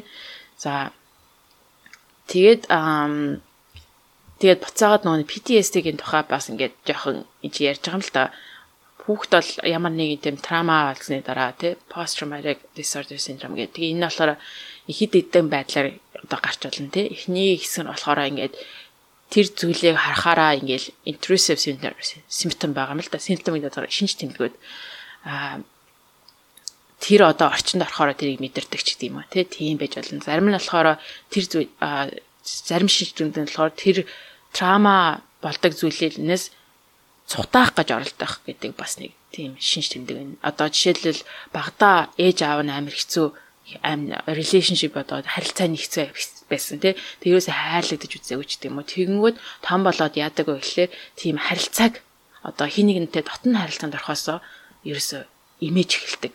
Тэгээд тэгэнгүүтээ нөгөө нэг ерөөсөө тийм харилцаанд орохгүй ингээл хүн амьдаа нийлхээ салаал байдаг. Дээдлэхээрээ салаал байдаг ч юм уу. Тэр нь буцаагаад багтнаас нь трама нөлөөдөг байгаа байхгүй юу. Тэгээ эсвэл бүр ингээд харилцаанд орохороо тэрийгээ сүүл рүүгээ амар ингээд сайн харилцаанд ороод ингээд дотны харилцаанд ороод гэсэн чинь сүүл рүү тэрнээс ингээд цутаах гэдэг. Тэр нь травманы бас нэг тийм шинж тэмдэг байхгүй өвчин өвчин бай гэсэн үг шүү дээ. Тэгээ тэрнээс ингээд бүр яаж иж ягаал гарах гал ингээд тэмүүлээд байдаг тийм байж болно. Гэх мэтчлэн одоо пост PTSD гэдэг нь бол маш олон төрлөөр бас ингэ нөлөөлж байдаг. Тэгээ трама гэдэг бол маш олон төрлөд юм аа гэдгийг бол энэ бүлэг дээр хэлээд бас жамаа. Аа. За за дараагийнхаа бүрлэг рүү бүгдээр орцгоё. Тэгэхээр зарим нэг зүйл байдаг штэ. Магадгүй ингээд жишэлбэл ингээд ингээл нохооноос амар айдаг те. Тэгсэн мөртлөө чи урд нь ингээд нохооноос нохоотоо ингээд амар айц авсан тийм тохиолдол ч юм уу те. Ерөөсө гарч байгаагүй яагаад гэдэг юм бол тэр магадгүй ингээд өвлөгдсөн. Тэгэхээр мэдээж бид нар дараа дараагийнхаа үедээ өөрсдийнхөө генээрээ те ДНХ-гээрээ дамжуулаад ДНК-гаар дамжуулаад те дараа дараа үедээ ингээд өвлөж үлдээдэг одоо зөвлөд байдаг л та. Тэгэхээр юу гэсэн үг гэхээр трама чинь бас өвлөгддөг юм шүү гэдэг. Тэгээ хариулт нь бол бас тийм. Магадгүй чи ингээд нохооноос ингээд амар айгаад байдаг. Цаанаасаа л яалтчгүй нохооноос айгаад байдаг. Гэтэл чи урд нь ингээд нохоотоо бараг харьцаж байгаагүй. Ямар тэр айц одоо хаанаасаа гараад ирээд байгаа юм бол. Тэгэхээр тэр айц ингээд өвлөгдсөн байж болох жишээтэй. Тэгэхээр яг уу энэ дээр нөгөө тухайн үед Америк ч нөгөө Африкаас ингээд Америк руу ингээд маш их одоо Африкаас боолуудыг авчирж ирсэн шүү дээ тий. Тэгэхээр тэр нь буцаад Америкт одоо 2 300 жил тэр боолууд ирээд суушаад амьдраад те гэхдээ тэр мэдээж маш их хүнд хэцүү одоо аяллыг даван туулаад те бас тэр одоо харьсангөр ялгуурлах одоо үзэл за тэгээ дээрэс нь боолчлогдсон тэр маш хүнд хэцүү амьдралыг туулсан тэр өнгөт арстнуудтай тэрнээс янз бүрийн траума байгаа дээ. Тэгэхээр тэр маань буцаад дараа дараагийнхаа үеуд нь ингээд өвлөгдсөн байдгүй гэдэг асуултал энэ дээр бас асуугаад байгаа юм л да. Тэгэхээр тэрнээс бас өвлөгдсөн зүйлүүд бас байж болохыг үгүйсэхгүй. Ер нь тэгэж мэдээж хүн хүний хүний амьдрал тохиолдож байгаа тэр туршлага experience тэ. Тэгэхээр тэр зүйлүүд бас ингээд хүнд үе удамд нь ингэж өвлөгдөж бас үлддэг Тэгэхээр нэг нэг талаасаа тэгэхээр бас янз бүрийн трауманууд цаашаагаад үргэлжлэх бас магадлалтай гэсэн санаа бас байна. За мэдээж хүний тэр миний бидний потенциал бол маш их юм байна л да. Ер нь магадгүй одоо 10 10 мянган жилийн өмнө те бид нэр гений хувьд те хангалттай ном унших потенциалтай байсан. Гэхдээ бид нэр хизэж тэр үед бол номоо ном ном гэж байгаачгүй. Тэ. Аа тэгэхээр биднэрт бол ингээд маш дотор дотор бол ингээд маш их потенциал бас ингээд нуугдж байдаг. За тэр дундаа хүний тэр кортекс гэдэг тэр одоо олон мянган жилийн турш тэ улам томруулж улам сайжруулж тэ одоо бидний хам хийсвэр сэтгэлгээг хийж тэ одоо логик сэтгэлгээр сэтгэж хэл яриагаар хоорондоо холбогдож те хийсвэр сэтгэх өнгөрсөн зүйлдээ одоо эрх зүйлэн бодох ирээдүгөө төсөөлөх те энэ бүх зүйл бол ерөөсөө энэ кортекс буюу энэ тархины хамгийн дээдлийн хэсэгт явж байгаа хамгийн том хэсэгт тэр бүх зүйл одоо уншигддаг гэсэн үг. Тэр аль болох энэ тархиараа бид нэр ажилуулж энэгээр илүү зөв шийдвэр бас гаргадаг те энэ одоо унших бичих тэгэл математик түүх ойлгох ч юм уу те бүх зүйл одоо энэ дотор явагддаг тэр тэгэл бидний ихтгэл үнэмшил бидний үнцэн те тэрийг бодох тэрүндээ хатуу ихтгэл үнэмшил хүртэл энэ дотор бас бий болж идэг юм байна. А тэгвэл хүнд мэдээж тохиолдож байгаа тэр зүйл те тэгээд дахин дахин тохиолдох энэ үед бол хүн тархиа өөрчилж эсвэл бодлоо те өөрчилж одоо өөрчлөх тийм бид нар чадвартай байдаг. За тэгэхээр мэдээж тэ илүү одоо үр хөвгтэй ч юм уу те илүү хүнлэг за инрэнгүй үн цэнтэй өөрийн гэсэн ихтгэл үнэмшилтэй. За тэгээ дээрэс нь одоо тэр үдсний ядалт ч юм уу те муухай ааш ч юм уу те тэр болгоныг багасхыг гэх юм бол одоо бид нар нэгсэнтэй хүүхдүүдтэй юу одоо үзүүлж чинь юу одоо мэдрүүлж чинь те ямар орчинд байлгах чинь гэд энэ бүх энэ бүхэн болоод одоо маш одоо чухал гэсэн чухал гэсэн үг. Тэгэхээр ялангуяа түрүүн тэгшээч гэсэн бас түрүүн хэллээ. Тэг хүүхдийг тэр тэр тэгэл бүр багаас нь тохиолдсон нэг одоо онцгой те нэг хэцүү жишээ одоо сүүлд амьдрал тохиолдсон 10 хэцүү жишээнээс илүү гүнзгий нөлөө одоо үзүүлдэг байх жишээтэй. Тэгэхээр хүүхдтэйгээ баг вахтантай одоо ямар баярыг тэмдэглэж чинь хинтээ уулзуулж чинь те. За тэгэл энэ бүхэн бол одоо тэр хүүхдийг буцаад ямар хүн болохгүй те гэдэгт бол шууд одоо маш гүнзгий нөлөөлж ядг юм байна. За тэгээ бид нарыг ингээд бид нарыг одоо хүний биегтэй ингээд regulate хийж яхад бас нэг тийм айгүй энэ айгүй надад сонирхолтой санагдсан. Аа хүнд ингээд тийм epigenetic change буюу тийм одоо одоо генийн тийм өөрчлөлт байдаг юм байна л да. Тэрний гэсэн үг гэхээр бид нар ингээд гів гинт ингээд амар бүр өсөж хөх гэдэг л да тий. Ямар ч хоол моол байхгүй. Тэгэхээр хүний би яах вэ гэхээр за одоо за ер нь бол нормал үедээ бол бид тэ чи бол нэг хэрэггүй. Гэхдээ би яг ингээд амар үлсэд яг ер нь одоо бие аврахгүй бол хэцүү байдалд орсон учраас одоо зарим генэ одоо нэг ашиглагддаг унтаа байдалтай генүүдээ одоо сэрэж эхэлдэг юм байна л да. За тэгэхээр тэрийг нь болохоор тийм эпиген гэж эпи гэдэг нь одоо грекээр бол дээр гэх юм уу те дээр дээр оройд байгаа генүүдээ ингээ хасааж эхэлдэг юм байна. За тэгээд тэднэр нь буцаад хүнийг баланст нь оруулахад те илүү дотор ингээд регулейт болоход тус болдог те. А гэтээ нормал энгийн одоо цатгалан ч юм уу те энгийн үедээ бол тэр ген нэгэд унталт унтаа байдалтай байж байгаа юм байна л да. Тэгэхээр яг хуу ер нь бид нэр ингээд янз бүрийн одоо юунод ч та одоо 3 хоног хоолоос авах ч юм уу гих мэтчлэн. Тэд нар чинь яг буцаад нөгөө хүний э, хоол огт итгэхгүйгээр байхад нөгөө хүн мэдээж тэр төр хүчгүй шүү дээ. Гэтэ хүний иммун систем, хүний дархлааны систем дотор бас унтаа байдалтай эсүүд те тэрийг бас ингээд сэрээдэг аа те тэр нь буцаад хүний хүнд бас эрүүлэр нөлөөлж болох боломжтой байдаг юм байна л да. Надаа тэр айгу сонирхолтой санагдлаа. За тэгээд э, бид нар нөгөө хотоодонд ингээд одоо өвч мэдэрдэг шүү дээ. Одоо шилбэл ингээл амар гомдох ч юм уу те тэр үед ингээл ингээл хотоодон дотор айгу сонир мэдрэмж төрөл те.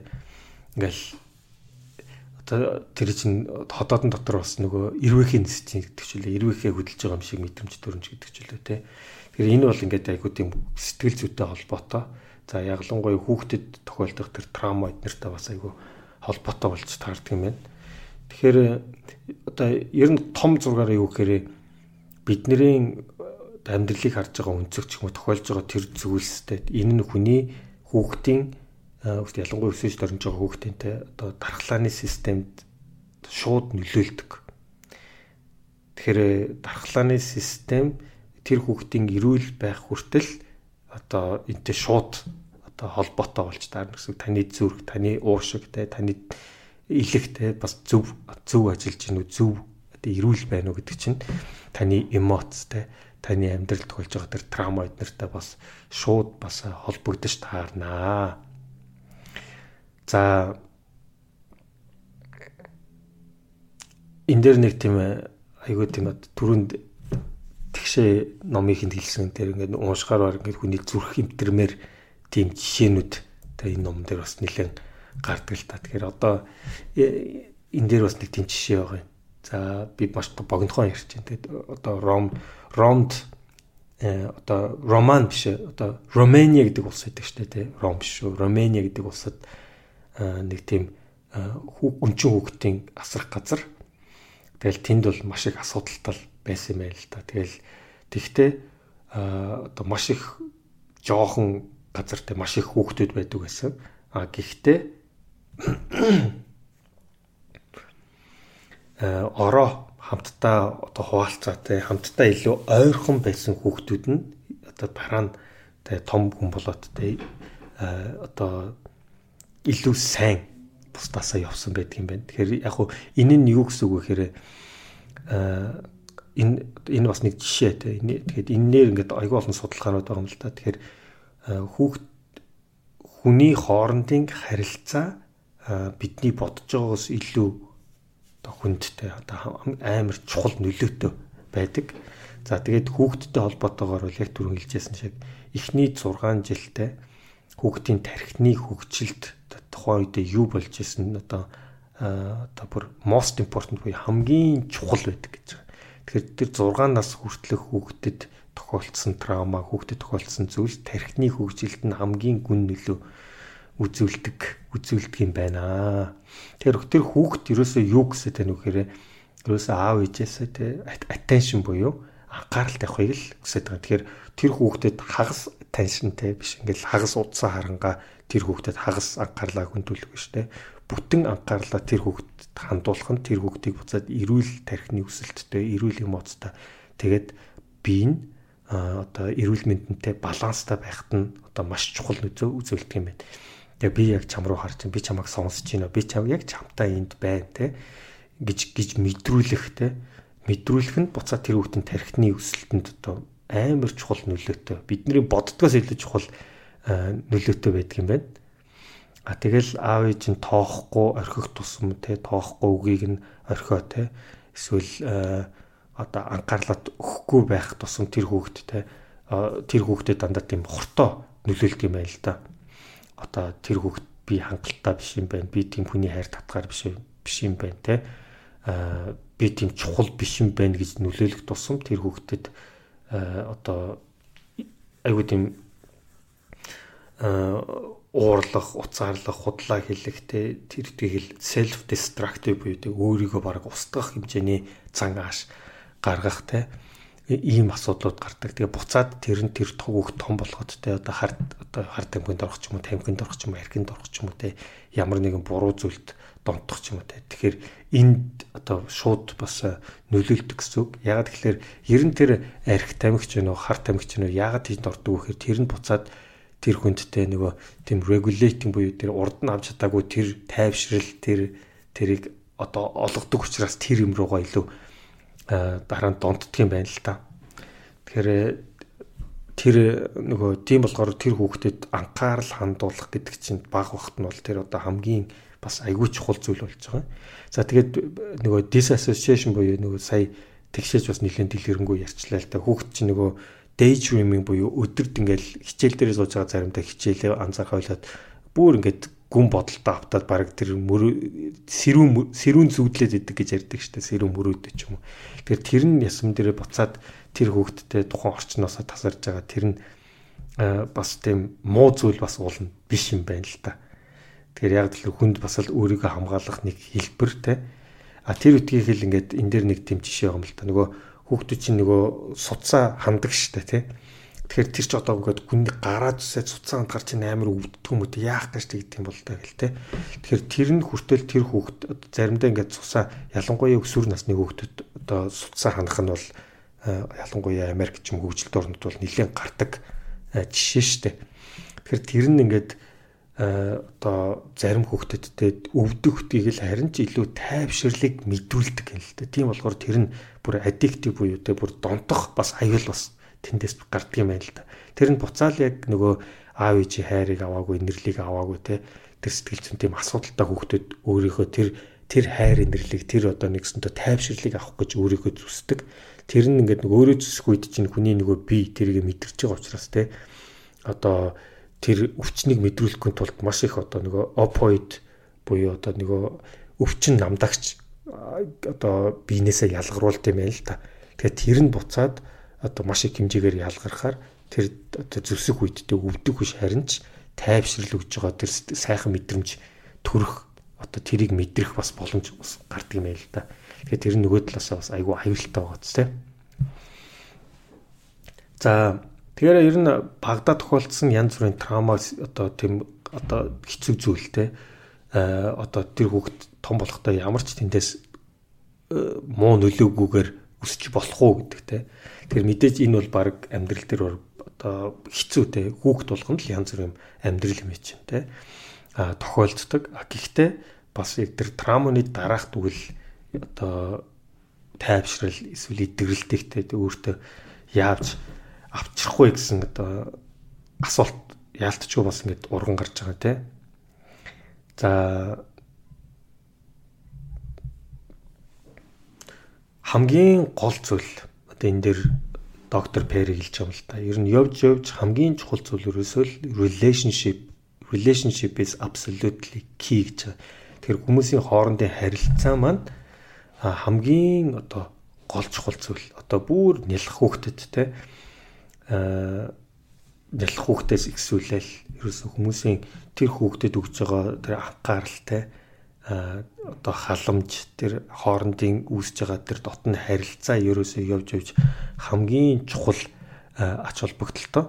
А тэгээ мэдээж жоохон хүүхд ингээд өсөж явахт те мэдээж одоо тархины хөгжлөөс ахуулаад бүх биеийн хөгжил ингээд явж явах үед мэдээж стресс гэдэг ганцхан муу юм шиг бид нарс ойлгож болохгүй л дээ. Яг нь жоохон тэ одоо одоо нормал хэмжээний стресс бол угаас өөрөө бас цай байшгүй байх шаардлагатай тэр одоо стресс те стресс нь өөрөө нөгөө resilience буюу те одоо тэр хөвгт тэрийг даван туулах чадвартай чадварыг ингээд сурах хэвээр тэгээд нэг яг одоо тийм зөв хэмжээний стресс бас байж ич тэр хөвгт одоо урд өмнө хийж үзээгүй юм оролдож дайхгүй ичгүүгээр оролдож үзсэн одоо хөлд орж байгаа хөвгттэй ингээл одоо олон тусан олон мянган удаа олон олон зуун удаа тий унж тусан өөлөн байж байгаа л бүгдээрээ хөлд ордог штэ. А тэр стрессээ дийлэхгүй за хөлд орох би хөлд орох ёсгүй байна гэд суучдгүй штэ тий. Тэгэхээр ер нь байгласаа ч гэсэн бид нэр тэрийг тиймэрхүү чаленжууд, тиймэрхүү сорилуудыг давах тэм чадвартай байдаг тий. Тэгэхээр тэр одоо тэр бүхнийг хийхэд одоо жишээлбэл ингээд фейлер буюу тий алдаа бүтлгүүтэл бол ингээд өөрөө бид нэрийг суралцах процессын нэг зайлшгүй хэсэг А гэхдээ тэр болгоно ингээд хитрхээрээ ингээд буцаад биднэрт стресс нь буцаад аюул болдог те. А гэхдээ тэр хэмжээнд нь одоо зөв байлгаад те тэнд нь одоо тусламж дэмжлэг үзүүлж явах хэвээр. Одоо бүтлгүүцэн ч гэсэн те бид нэр дахиж оролдоо дахиж босоод те дахиад тэгэж сураад цаашаа явна. За Тэгээд хүүхэд бол ялангуяа илүү хайр мэдэрсэн, илүү аюулгүй, safe буюу аюулгүй гэж мэдэрсэн team одоо орчин тойрондоо тэг хамгийн зөв тийм одоо баланстай regulating байдаг. А хэрвээ тийм одоо би энд аюул аюулгүй гэж мэдрэхгүй тэ одоо team байх тусмаа одоо намайг хүсэхгүй байна тэ а а яг тэр бодлосоо болоод тэгээ буцаад нөгөө тархины хөгжлийн хувьд ч гэсэн сэтгэл зүйн хувьд ч гэсэн асуудал гарч ирдэг. Тэгэхээр тэр нь буцаад эрүүл мэндэнд ч хүртэл нөлөөлөх ийм асуудал гардаг юм байна. Тэгэхээр хүн гэдэг амьтан чинь олон мянга мянган жилдээ дандаа л хоорондоо тий одоо тийм бүлэглэж ингэж амьдарч байсан. Тэгэхээр энэ альва нэгэн тий тийм одоо асуудал асуудлаас бол тий за ийм дөрвөн зүйл аягүй чухал гэж байгаа. Нэгдүгürt бол тэр Э, одоо орчин тойрондоо байгаа тэр хүмүүстэйгээ тэр орчин тойронтойгоо дэлхийдгээ те одоо э, холбоотой байх те. За хоёрдугаарт нь э, өөрийнхөө ритмийг олохын тулд те одоо тэр нь бүжиглэх байна уу те дуулах байна уу те тэгэж өөрийгөө регулейт гэж ритмдээ орж явах те тэр одоо тэр одоо заншил гэх юм уу те. Гуравдугаарт бол мэдээж янз бүрийн асуудал ингээд гарсан ч гэсэн те өөрийнхөө тэр ихтгэл үнэмшил те тэр зүйл нь байх хэвээр. За тэгээд дөрөвдүгürt нь аа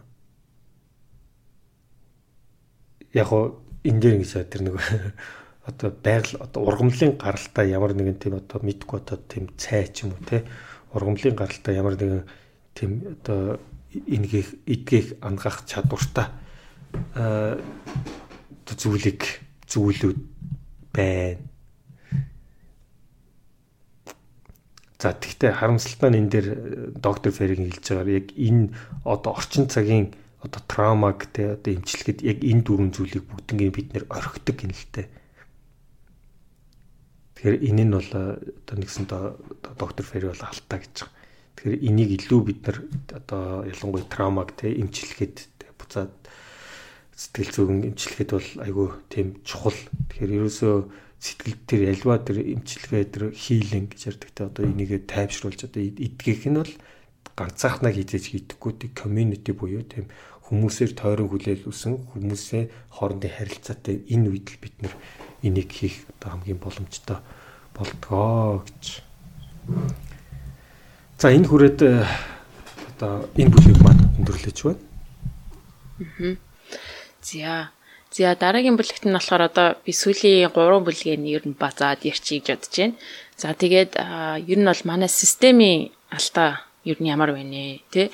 Энэ трама гэдэг зүйлийг ер нь одоо ер нь бол шин шин шинжлэх ухаан л да dermatology гэдэг өөр хэлж байгаа байхгүй юу? Маш шин шинжлэх ухаан. Тэгээд маш олон төрөл ялангуяа нөгөө нэг шинжлэх ухааны талаас нь хараад үзэх юм бол neuroscience тархины мэдээлэлтэй бол тэрийг нь улам их судлаа. Тэгээд тэрний судал одоо үр дүнгууд нь гарч ирж байгаа байхгүй. Тэгэнгүүт тэрний травматай яаж холбогдож байна? Яаж жоохон байхдаа нөлөөсөн гэх мэтчлэн олон одоо үр дүнгууд гарч ирж байгаа. За тийм болохоор цоо шин ер нь ер нь шинж шинжлэх ухаан. За тэгэнгүүт тэрийг бол одоо ингээ манай ер нь ингээд ус бас улсуудын системийн хувьд Америк нэгдсэн улсын хувьд ч гэсэн одоо системд нь одоо сайн ороогүй байна тий. Тэрнээс нь болоод травматай байсан хүн гээ тий системийн хувьд буруу ойлгогддог. Тим систем байна гэдгийг бол ерөнхийдөө энд одоо ярьж байгаа. Энд бол ингээд нэг хамгийн эхлээд нэг жишээр эхэлж байгаа юм л да. Опера бол ингээд анх энэ хүнийг ингээд ярилцлага авахтаа болохоор ерөөс ингээд тоогоогүй. Энэ одоо надад юу ярих юм болоо гэж бодож исэн боловч Офрагийн эснэр бол энэ бол өөрийнх нь хийсэн хамгийн сайн ярилцлага байсан. Одоо хамгийн best interview ever гэж байгаа байхгүй юу? Байсан гэж. Энэ ямар байсан вэ Шака гэдэг энэ нэгэн залуу шоронд байсан. Тэгээ шоронд байж байхдаа ерөнхийдөө бол 19 настай одоо шоронд ороод тэгээд хүн одоо алсан хэрэгээр одоо шоронд орсон тийм залуу байсан. Гэхдээ шоронд байхдаа бясалгал хийж ихсэн ном уншиж ихсэн тэгээ сүлрэг өөрийнхөө номоо бичээд өөрийнхөө амьдралын тухай тэрэн дээр тулгарсан намаа бичээд тэр нь бестселлер нам болж исэн юм байна. За тэгээд яасан бэ гэсэн чинь амьдралд нь юу тохиолдсон бэ гэхээр багтаа бол ерөнхийдөө айгүй сайн сурдаг. Одоо 10 нас хүртэл 12 нас хүртэл сайн сурдаг, хичээлдээ сайн явдаг. За ер нь л ингээл байнга он цавдаг тийм сайн хүүхэд байсан. За гисэн хэдий болооч гэр бүлийн амьдралнаас нэлийн тогтромжиг байсан. Ээж аав нь бол байнгын маргаантай. За тэгээд ээж аав нь одоо гэр бүлийн хүчрхийлэл маш хүртдэг байсан. Нэг удаа бүр ингээд өөрөө хийж байгаа юм л та. Аа бүр ингээд онц те сайн онц нэмэх авцсан байхгүй A+ авцсан. Тэгээд айгүй сайн онцтой авчаад ээжтэй ингээд баярлаад үзүүлсэн чинь ээж нь шууд хариулын тавг штэ. Тэгээд амар хүчтэй шидэ тэр нь ингээд өөрөө одоо цухтаагаад тэрнээс нь тэгээд харин гэрэл мэлийн ингээд хагалж исэн тийм одоо хэцүү юм. Тэрийг өөрөө санаж байгаа. Тэгээд ерөөсөө ингээд гэр бүлийн хүчрхийлэл нь маш ихсэд эхлэнгүүд 13 4 настайгаас ахгуулаад хичээлээсээ гараад нөгөө онц сурд байсан хүүхд чинь хичээлдээ байлаа. Тэгээд гудамж нь гарч эхлээд буруу хүмүүстэй нийлээд төсөөлөөр харт амих одоо те одоо арих одоо буудлага гэдэг буу муутай холбоотой зүйлд ороод эхэлж байгаа хгүй. Тэгэхэд эн чинь юу асан гэхээр системийн талаас нь харах юм бол нөгөө онд сурж ирсэн хүүхэд гівгэнд дараагийн 7 өдөр чинь хичээлдээ явах бол ирэхээ болчиход тэнд сургуулийн багш нар хинч тэрийг анзаараагүй байхгүй систем алдаа юу болоод байгаа гэрт нь юу басны ч анзаараагүй тий. За тэгээд ингээ буруу замаар ороод нэг шин гудамжинд ингээ явж хагаад нэг хүнтэй нацалтаад тэгээд ингээ авч явж байсан буугаараа санаандгүй нөгөө үнэ алаад тэгээд 19 нот шоронд орчиж. Тэгээд өөрийнх нь мөрөөдөл нь юу байсан бэ гэхээр багтаа эмч олъё гэж боддог байсан гэж байхгүй яасан бэ гэсэн чинь ээж нь ингээд эмчтэй уулзахаараа л эмчэд амар сайхан хандаал тий хүүгээ ингээд айгуу сайн миний хүү айгуу сайн хөхт мөхт гэж эмчи айгуу хэлдэг байсан. Тэгээд ингээд хэлэнгүүтээ манай ээж эмчи та ийм сайхан хандд юм бол би юу эмч олъё гэдэг мөрөөдөлтэй байсан гэж өөрөө ярьж байгаа байхгүй за тэгээд одоо шоронгоос энэ залуу судлагдсан. Тэгээд ерөнхийдөө энэ системд энэ дотор байгаа системийн алдааг хэрэг залруулахын төлөө ингээд тэмцэж ингээд явж байгаа юм байна гэж. За тэгээд эндээс юу хэлэхэд байна гэхээр трама гэдэг зүйл бол одоо баг ч гэсэн одоо хүн болгоно маш ихээр тохиолж байгаа бас түрүүнд ярьжсэн шүү дээ. Гэтэл систем сургуулийн систем байна. Одоо сургуулийн систем байна. Багш нар бол тэрийг ерөөсөө мэддэггүй ч байх шүү дээ. Тэ хүүхд яагаад ингэж гүүх гээд ам. Яагаад нэг санал дээр яаж гэнэ даа яа зүгээр сувчдахгүй юм бэ ч тийм үү тий. Тэгэхэд бол тэр системийн хувьд бол ямар ч мэдлэг байхгүй. Тэгээд ойрын шилүүдэд одоо яг уу арай системийн хувьд мэдлэгтэй болохыг ойлгож байгаа ажил корпорациуд ч гэсэн trauma informed session гэдэргээд тий. Травмагийн тухай мэдлэг олохын төлөө лекцүүд хийж гин одоо 3 цагийн workshop-уудад ажиллаж гин трама яаж амьдрал нөлөөтэй травматай тохиолдсон хүн тэр нь ингээд триггер хийгдчих юм бол гівэн ингээд нэг нөхцөл ингээд хараад өмнөх юм гараад ирэх юм бол тэр хүндээ яаж одоо туслахын ч гэдэг юм уу гид зүйлүүд хийдэж байгаа болооч одоогийн билээр хангалт өгөхтэй баг багаар явж байна. Ялангуяа систем одоо өнгөт хайртай хүмүүс Америкийн хувьд байх юм бол өнгөт хайртай хүн байх юм бол ялангуяа цагдаагийн байгуулах юм бол тэрийг бол нэг хэрэг татах магадлал айгүйх өндөр байд юм л да баримтлах магадлал цагаан хүн хайртай хүнээс харахад харьцуулахад хар хайртай хүнийг баримтлах магадлал амар өндөр байдаг. Яг том бол учир нь мэдээж хар хайртай хүмүүс тохиолдож байгаа гимтгийнх нь та арай бас өндөр байдаг гэдэг бас тийм үзүүлэлттэй. Тэгэхээр тэр нэгэд буцаагаад явах юм бол нийгмийн зүгээс нөгөө нэг ягаад тэр өнгөт хайртай хүмүүс чинь буцаагаад гимт хэрэг хамт холбогдоод байна гэхээр бага наснд үзсэн трама тэгээд түрүүний нагийн ярьжсэн өмнөх бүр үеийнх нь боолчлог гэж ярьсан трама нь хүртэл байгаа байхгүй юу. Тийм болохоор улам их байдаг. Гэтэл системийн тэрийг ерөөсөө анзаардгүй. Буцаагаад өөрөө хийж байгаа нь болохоор бараг л нөгөө нэг чи өнгөст арьстай болохоор сургууль муу тэг өнгөт арьстай болонгууд хүмүүс чамайг одоо үнэлдэггүй. Тэнгүүд буцаагаад нөгөө хүний хувьд л би муу юм гэдэг одоо тий? Өөрийнх нь бодол төрөөд тэгээд буцаагаад сургууль дээр ихээр муу сургууль дээр муу сурж байгаа юм бол буцаагаад хэрэг төвд орох хангалт хандлага нь их. Тэгээд тэрийг нь ойлгохгүй байгаа багш нараас нь алж шалтгаалаад буцаа гудамжид гардаг. Тэгээд буцаагаад шоронд ордог. Тэгээ өөрийнх нь энд жишээг хэлж байгаа бол бараг одоогийн систем бол зөвхөн бага насны тохиолдсон травмаас нь шалтгаалаад ерөөсөө л ингээл траума тохиолдсон бол шорон орох гэдэг тийм систем болчиход байна. Тийм учраас энэ системийг өөрчлөх хэрэгтэй маа гэдэг тухайд бас энэ чи ярьж байгаа юм.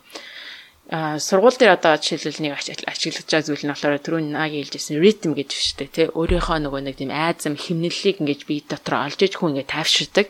Гэтэл ингэ сургууль дээр одохоор ингэ гадуур ингэж алхах ч гэдэм үү. Тэгээ өөрөө ингээд сургуулийн зааланд алхах.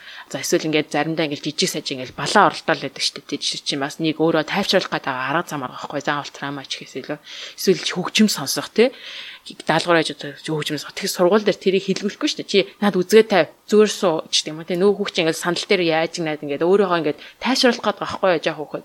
Тэгтэл ингээд багш нэрээ чи натагаа байл зүгээр суу суу ч гэдэм үү тий Тэгээд битинад хөгжим сонсоод бай. Ягаад ийш тийш гүгээд алхаад байгаа гэдэг. Нөгөө чинь өөрийгөө тайвшруулах гал тийм юм ингээд юу ч мэдгүй хийгээд байгаа юм л да. Гэтэл тэрийг нь ойлгохгүй яа гэвэл трама гэдэг зүйл тохиолдсон бол өөрийгөө тайвшруулах ямар арга замууд байдгийг ойлгохгүй систем татахаар нөгөө нь хүүхдээ буцаа тайвшруулах чалам боломжгүй ийм зүйлүүд ингээд одоо байна. Тэгээд системийн энэ алдааг буцаад ингээд улам улам энэ трама гэдэг травмаг одоо судалж байгаа травматологи гэдэг шилэх хааны одоо улам хүмүүст ойлгогдсноороо бас ингээд залруулах боломж байгаа хаа гэж бодож байна. За дараагийн одоо сүүлээс хоёр дахь бүлэг дээр нь болохоор ерөөд харилцааны өсөглөнд нийгэмд байна гэдгийг бол ярьж байгаа юм л да. Түрүүнд бас нагийн хэлжсэн. Маш чухал энэ хүн хүний харилцаа, хүн хоорондын харилцаа, дотны харилцаа гэдэг бол маш чухал. Энэ бол баг травмаг эмчлэх гол шалтгаан нь болохоор дотны харилцаа байгаа байхгүй юу. Хин нэгэнтэй дотны харилцаанд ороод хин нэгнээр хайлагдаад ирэхээрээ буцаад эмчилгээний нэг хийцэх болж эхэлдэг. Хэрвээ энэ хин нэгнээр хайлагдах, хин нэгэнтэй аав ээжтэйгээ дотны харилцаанд байхгүй байх юм бол хичнээн эмчилгээнд яваад хичнээн одоо сэтгэл зүйчтэй уулзаад тэр бол эмчлэгдэхгүй зүйлээд юм байна. Тэ? Тэгээд энэ дээр бас жишээ гарч байгаа юм л да. Ээж аав одоо ганц бие ээжтэй хүүтэйгаа тэгээд хүн ингээд амар бас хэцүү ээж нь бас ингээд найз нөхдөг олон газар ингээд нүүцэн. Тэгээд нэг эмчилгээний хэрэг нь ингэж байгаа байхгүй. Ээж нь болохоор юм нөгөө дуу дуулдаг группд ороод тий тийм сүмийн группд ороод тэнцэн ингээд өөрийнхөө community-г үүсгэж эхэлж байгаа. Хүүн бас ингээд сургуулийн дараах програмд ороод найз нөхдөд ороод эхэлж байгаа. Тэгэнгүүт нөгөө хоёр ээж хүү хоёрын харилцаа ч гэсэн сайжраад буцаагаад сургууль дээр ч гэсэн ажил дээр ч гэсэн нөгөө хоёр хүний а үр дүн те хийж байгаа харж байгаа Тэгээ дүнгууд нь бас ингэ сайжрах эхэлж байгаа байхгүй. Тэгэхээр эндээс юу хэлэх гээд байна гэхэлэр харилцаа гэдэг ямар чухал юм бэ? Гэтэл одоо ялангуяа орчин үед бид нэр юу гэхээр уцтайгаа ингэж яачдаг тий. Тэгээд хот дотор амьдарч байгаа хүмүүсийнхэн бол нэг ойр төрлийн хамаатан садан ойрын найз нар байхгүй. Өдөр болго ингэ шинэ хүний царай хараал эхлэнгүүт буцаагаад нэг тархиныхаа юугаар ярих юм бол шинэ хүний царай харах болгонд чинь тэр энэ хүн намайг надад туслах аюултай юу аюулгүй юу гэдэг нөгөө нэг бидний нөгөө араатан тарих маань шидэж эхэлж байгаа байхгүй юу? Тэнгүүд байнгын стресстэй гэсэн өдөр тутам. Өдөр тутам шинэ хүний байнга царай хардаг. Тэнгүүд ингээд байнга ингээд alert mode буюу ингээд анхаарал хандуулах тийм энэ дээр тавигдсан яваад байгаа байхгүй юу? 50 биш те. Тэгэнгүүт ингээд бас хэцүүлээ. Тэнгүүд тэрийг нь тайвшруулах зүйд нь болохоор дотны харилцаа, гэр бүлийн дотны харилцаа, хин нэгэнтэй ээж автайгаа дотны хүүхдтэйгээ дотны харилцаа гэдэг бол маш чухал. Тэгэхээр connectedness буюу биентэйгээ холбоотой байх гэдэг бол хамгийн чухал зүйл болоод эхэлж байгаа. За тэгээд хамгийн сүүлийн бүлэг дээр нь бол ирээдүйд тэгвэл одоо бид нэр юу хийх шаардлагатай юм бэ гэж. Тэгээд тэгвэл яавал зүгээр юм бэ гэж. Эндээд нэг жишээ байгаа юм л да. Нэг юм жоохон охин тэгээ а 7 настай охин ингээд сургуульд шин сургуульд ирж байгаа байхгүй юу? Өөр газараас бас амжигцаар гад ирж байгаа.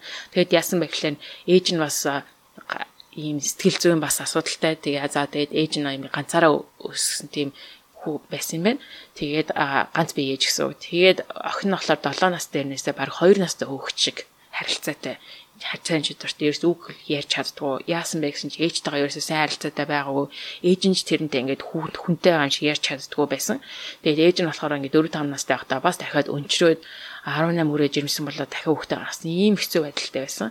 За тэгээд Пери болохоор энийг эмчилсэн болохоор өөр аргаар бас эмчилсэн юм байл да доктор Бэр. Яагаад гэсэн чинь 7 настай хүүхэд ингээд 1-р ангид орохоо сургууль дээр ирсэн чи багш нар нь гайхаа чи надад уншаач чи яагаад ийм зүйл хийгээд байгаа юм бэ гэд нөгөөт нь ингээд шалан дээр сууж муугаал тий. Чи 2 настай хүүхчиг ажиллаад байгаа байхгүй. Тэгээ багш нар ингээд сандал дээр суу инг тэг гэл ингээд яг л нэг 7 настай хүүхэд ямар байх тухайг нь хилээд байгаа болооч тэр хүүхдийн дотор бол 2 настай хэвээр байгаа даа. Тэгэхээр системийн алдаа гэдэг юм бас энэ тий. Нэг хүүхдэд зориулсан тэр юм ин ойлгохгүй. Яагаад энэ хүүхд ингэж байгааг нь ойлгохгүй. Тэгэнгүүт доктор Пери ороод багш нарт нь тайлбарсан. Энэ хүүхэд ийм ийм одоо учраас баг баг насандаа ийм зүйл тохиолдсон. Ээж нь ийм байсан учраас одоо ингэ тохиолч 7 нас дээрнээсээ 2 настай хүүхчиг байна. Тийм болохоор одоо имчилгээг эхлэе. Энэ хүүхдэд таарсан имчилгээг эхлэе гэж байгаа байхгүй юу. Тэгээ тэр нь болохоор бүр хэл яриа сургуулийн тэр 1-р ангийн бэлтгэл ангийн материал гэхээсээ илүү хамгийн эхлээд энэ хүүхдийг буцаагаад хүүхчиг буцаагаад 7 настай хүүхчиг болгоё гэдгээс нь эхэлсэн. Тэр нь болохоор зөвөр ингээд аа бүр ингээд одоо хүнжил нөмөрч сурах ч гэдэм үү. Хүнжил мөрөө дотроо өөрөө тайвшир сурах тий. За тэгээд тэр ингээд хувц цөрлөрийн хувцас өмсөж сурах. Ингээд биенд нь хүртэл ингээд материал өгөхөр ингээд ингээд уйлах гад жоох өгчөө уйлах гад одоо жишээлбэл гялгар материал өгөхөр дургуйч юм ба тий. Тийм байсан гэж байгаа байхгүй юу. Тэр чинь нөгөө нэг багаасаа ингээд өсөөд ингээд мэдэрдэг болцсон байх ёстой адил тэр нь ингээд болоогүй те. Дутуу хөгжсөн. Тэрэн дээр нь хүртэл ингээд ажиллаад 3 4 жил те баг багаар үе шаттайгаар яг тэр хүүхдэд нь тохирсон. Өөрийнх нь траумад нь тохирсон тий өөртөө тохиолдсон зүйл нь тохирсон байдлаар ажиллангууд 4 жилийн дараа буцаагаад харахад нөгөө охин маань имчилгээнд дуусаад харахад өөрийнхөө үе дингийн хүүхдүүдтэй адилхан басан тэр ангида өөрийнхөө тэр дунд сургуультай орсон дүн сайжирсан нийгэмшиж эхэлсэн гэж байна. За тэгэхээр эндээс юу гэж хэлэх гэдэг нь ихлэр гол нь ямар ч зүйл ямар ч одоо тэр трама байсан энэ бол идгэж болдог зүйл юм аа. Хинч идгэж бодлоо гол нь систем нь бас ийм тэрийг нь ойлгодог байх хэрэгтэй тий. А за тэгээд тэрэнд нь тохирсон имчилгээг нь хийдэг байх тий. Төвчээртэй байх тий. Тэгээд хамгийн сүүлд нь хэлэх нь а тэр connectedness буюу бие биендээ нийгэмшсэн тэр гой тэр харилцаа маш чухал юм аа. Заавал нөгөө нэг одоо шил энэ гэр бүлийнхний хувьд бол тэгвэл опера асууж байгаа юм л да. Заримдаа нэг хин нөгөө сэтгэл зүйчтэй сэтгэл мэдрэлийн эмчтэй холбогдох боломжгүй тийм айлууд байна. Тэр тохиолдолд яах юм бэ гэж. Тэр тохиолдолд эмч байхгүйсэн ч гэсэн гэр бүлийн харилцаа тэр хүнийг хайрлаж байгаа байдал гэдэг бол хамгийн чухал байдаг. Тэгэхээр трийг нь ингээд байнга өдөртөм тэр хүн хайрлуулж байгаа гэдгийг ойлгуулж ээж сүүл рүү олон жилийн дараа хамгийн олон төвчээртэй явах хэрэгтэй. Тэгээд сүүл рүүгээ энэ бол буцаагаад ритмдээ орно. Буцаагаад өөрийнхөө тэр химнэлдээ орно. Тэгээд буцаагаад тэр трама гэдэг зүйл нь бол эмчлэгдэх бүрэн боломжтой зүйл гэдэг юм аа гэдгийг эхлээд энэ ном маань ингээд дуусч байгаамаа. Тийм.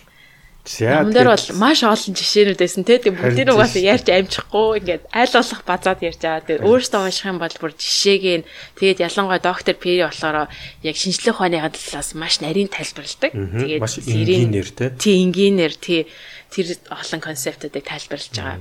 Тийм байгаа.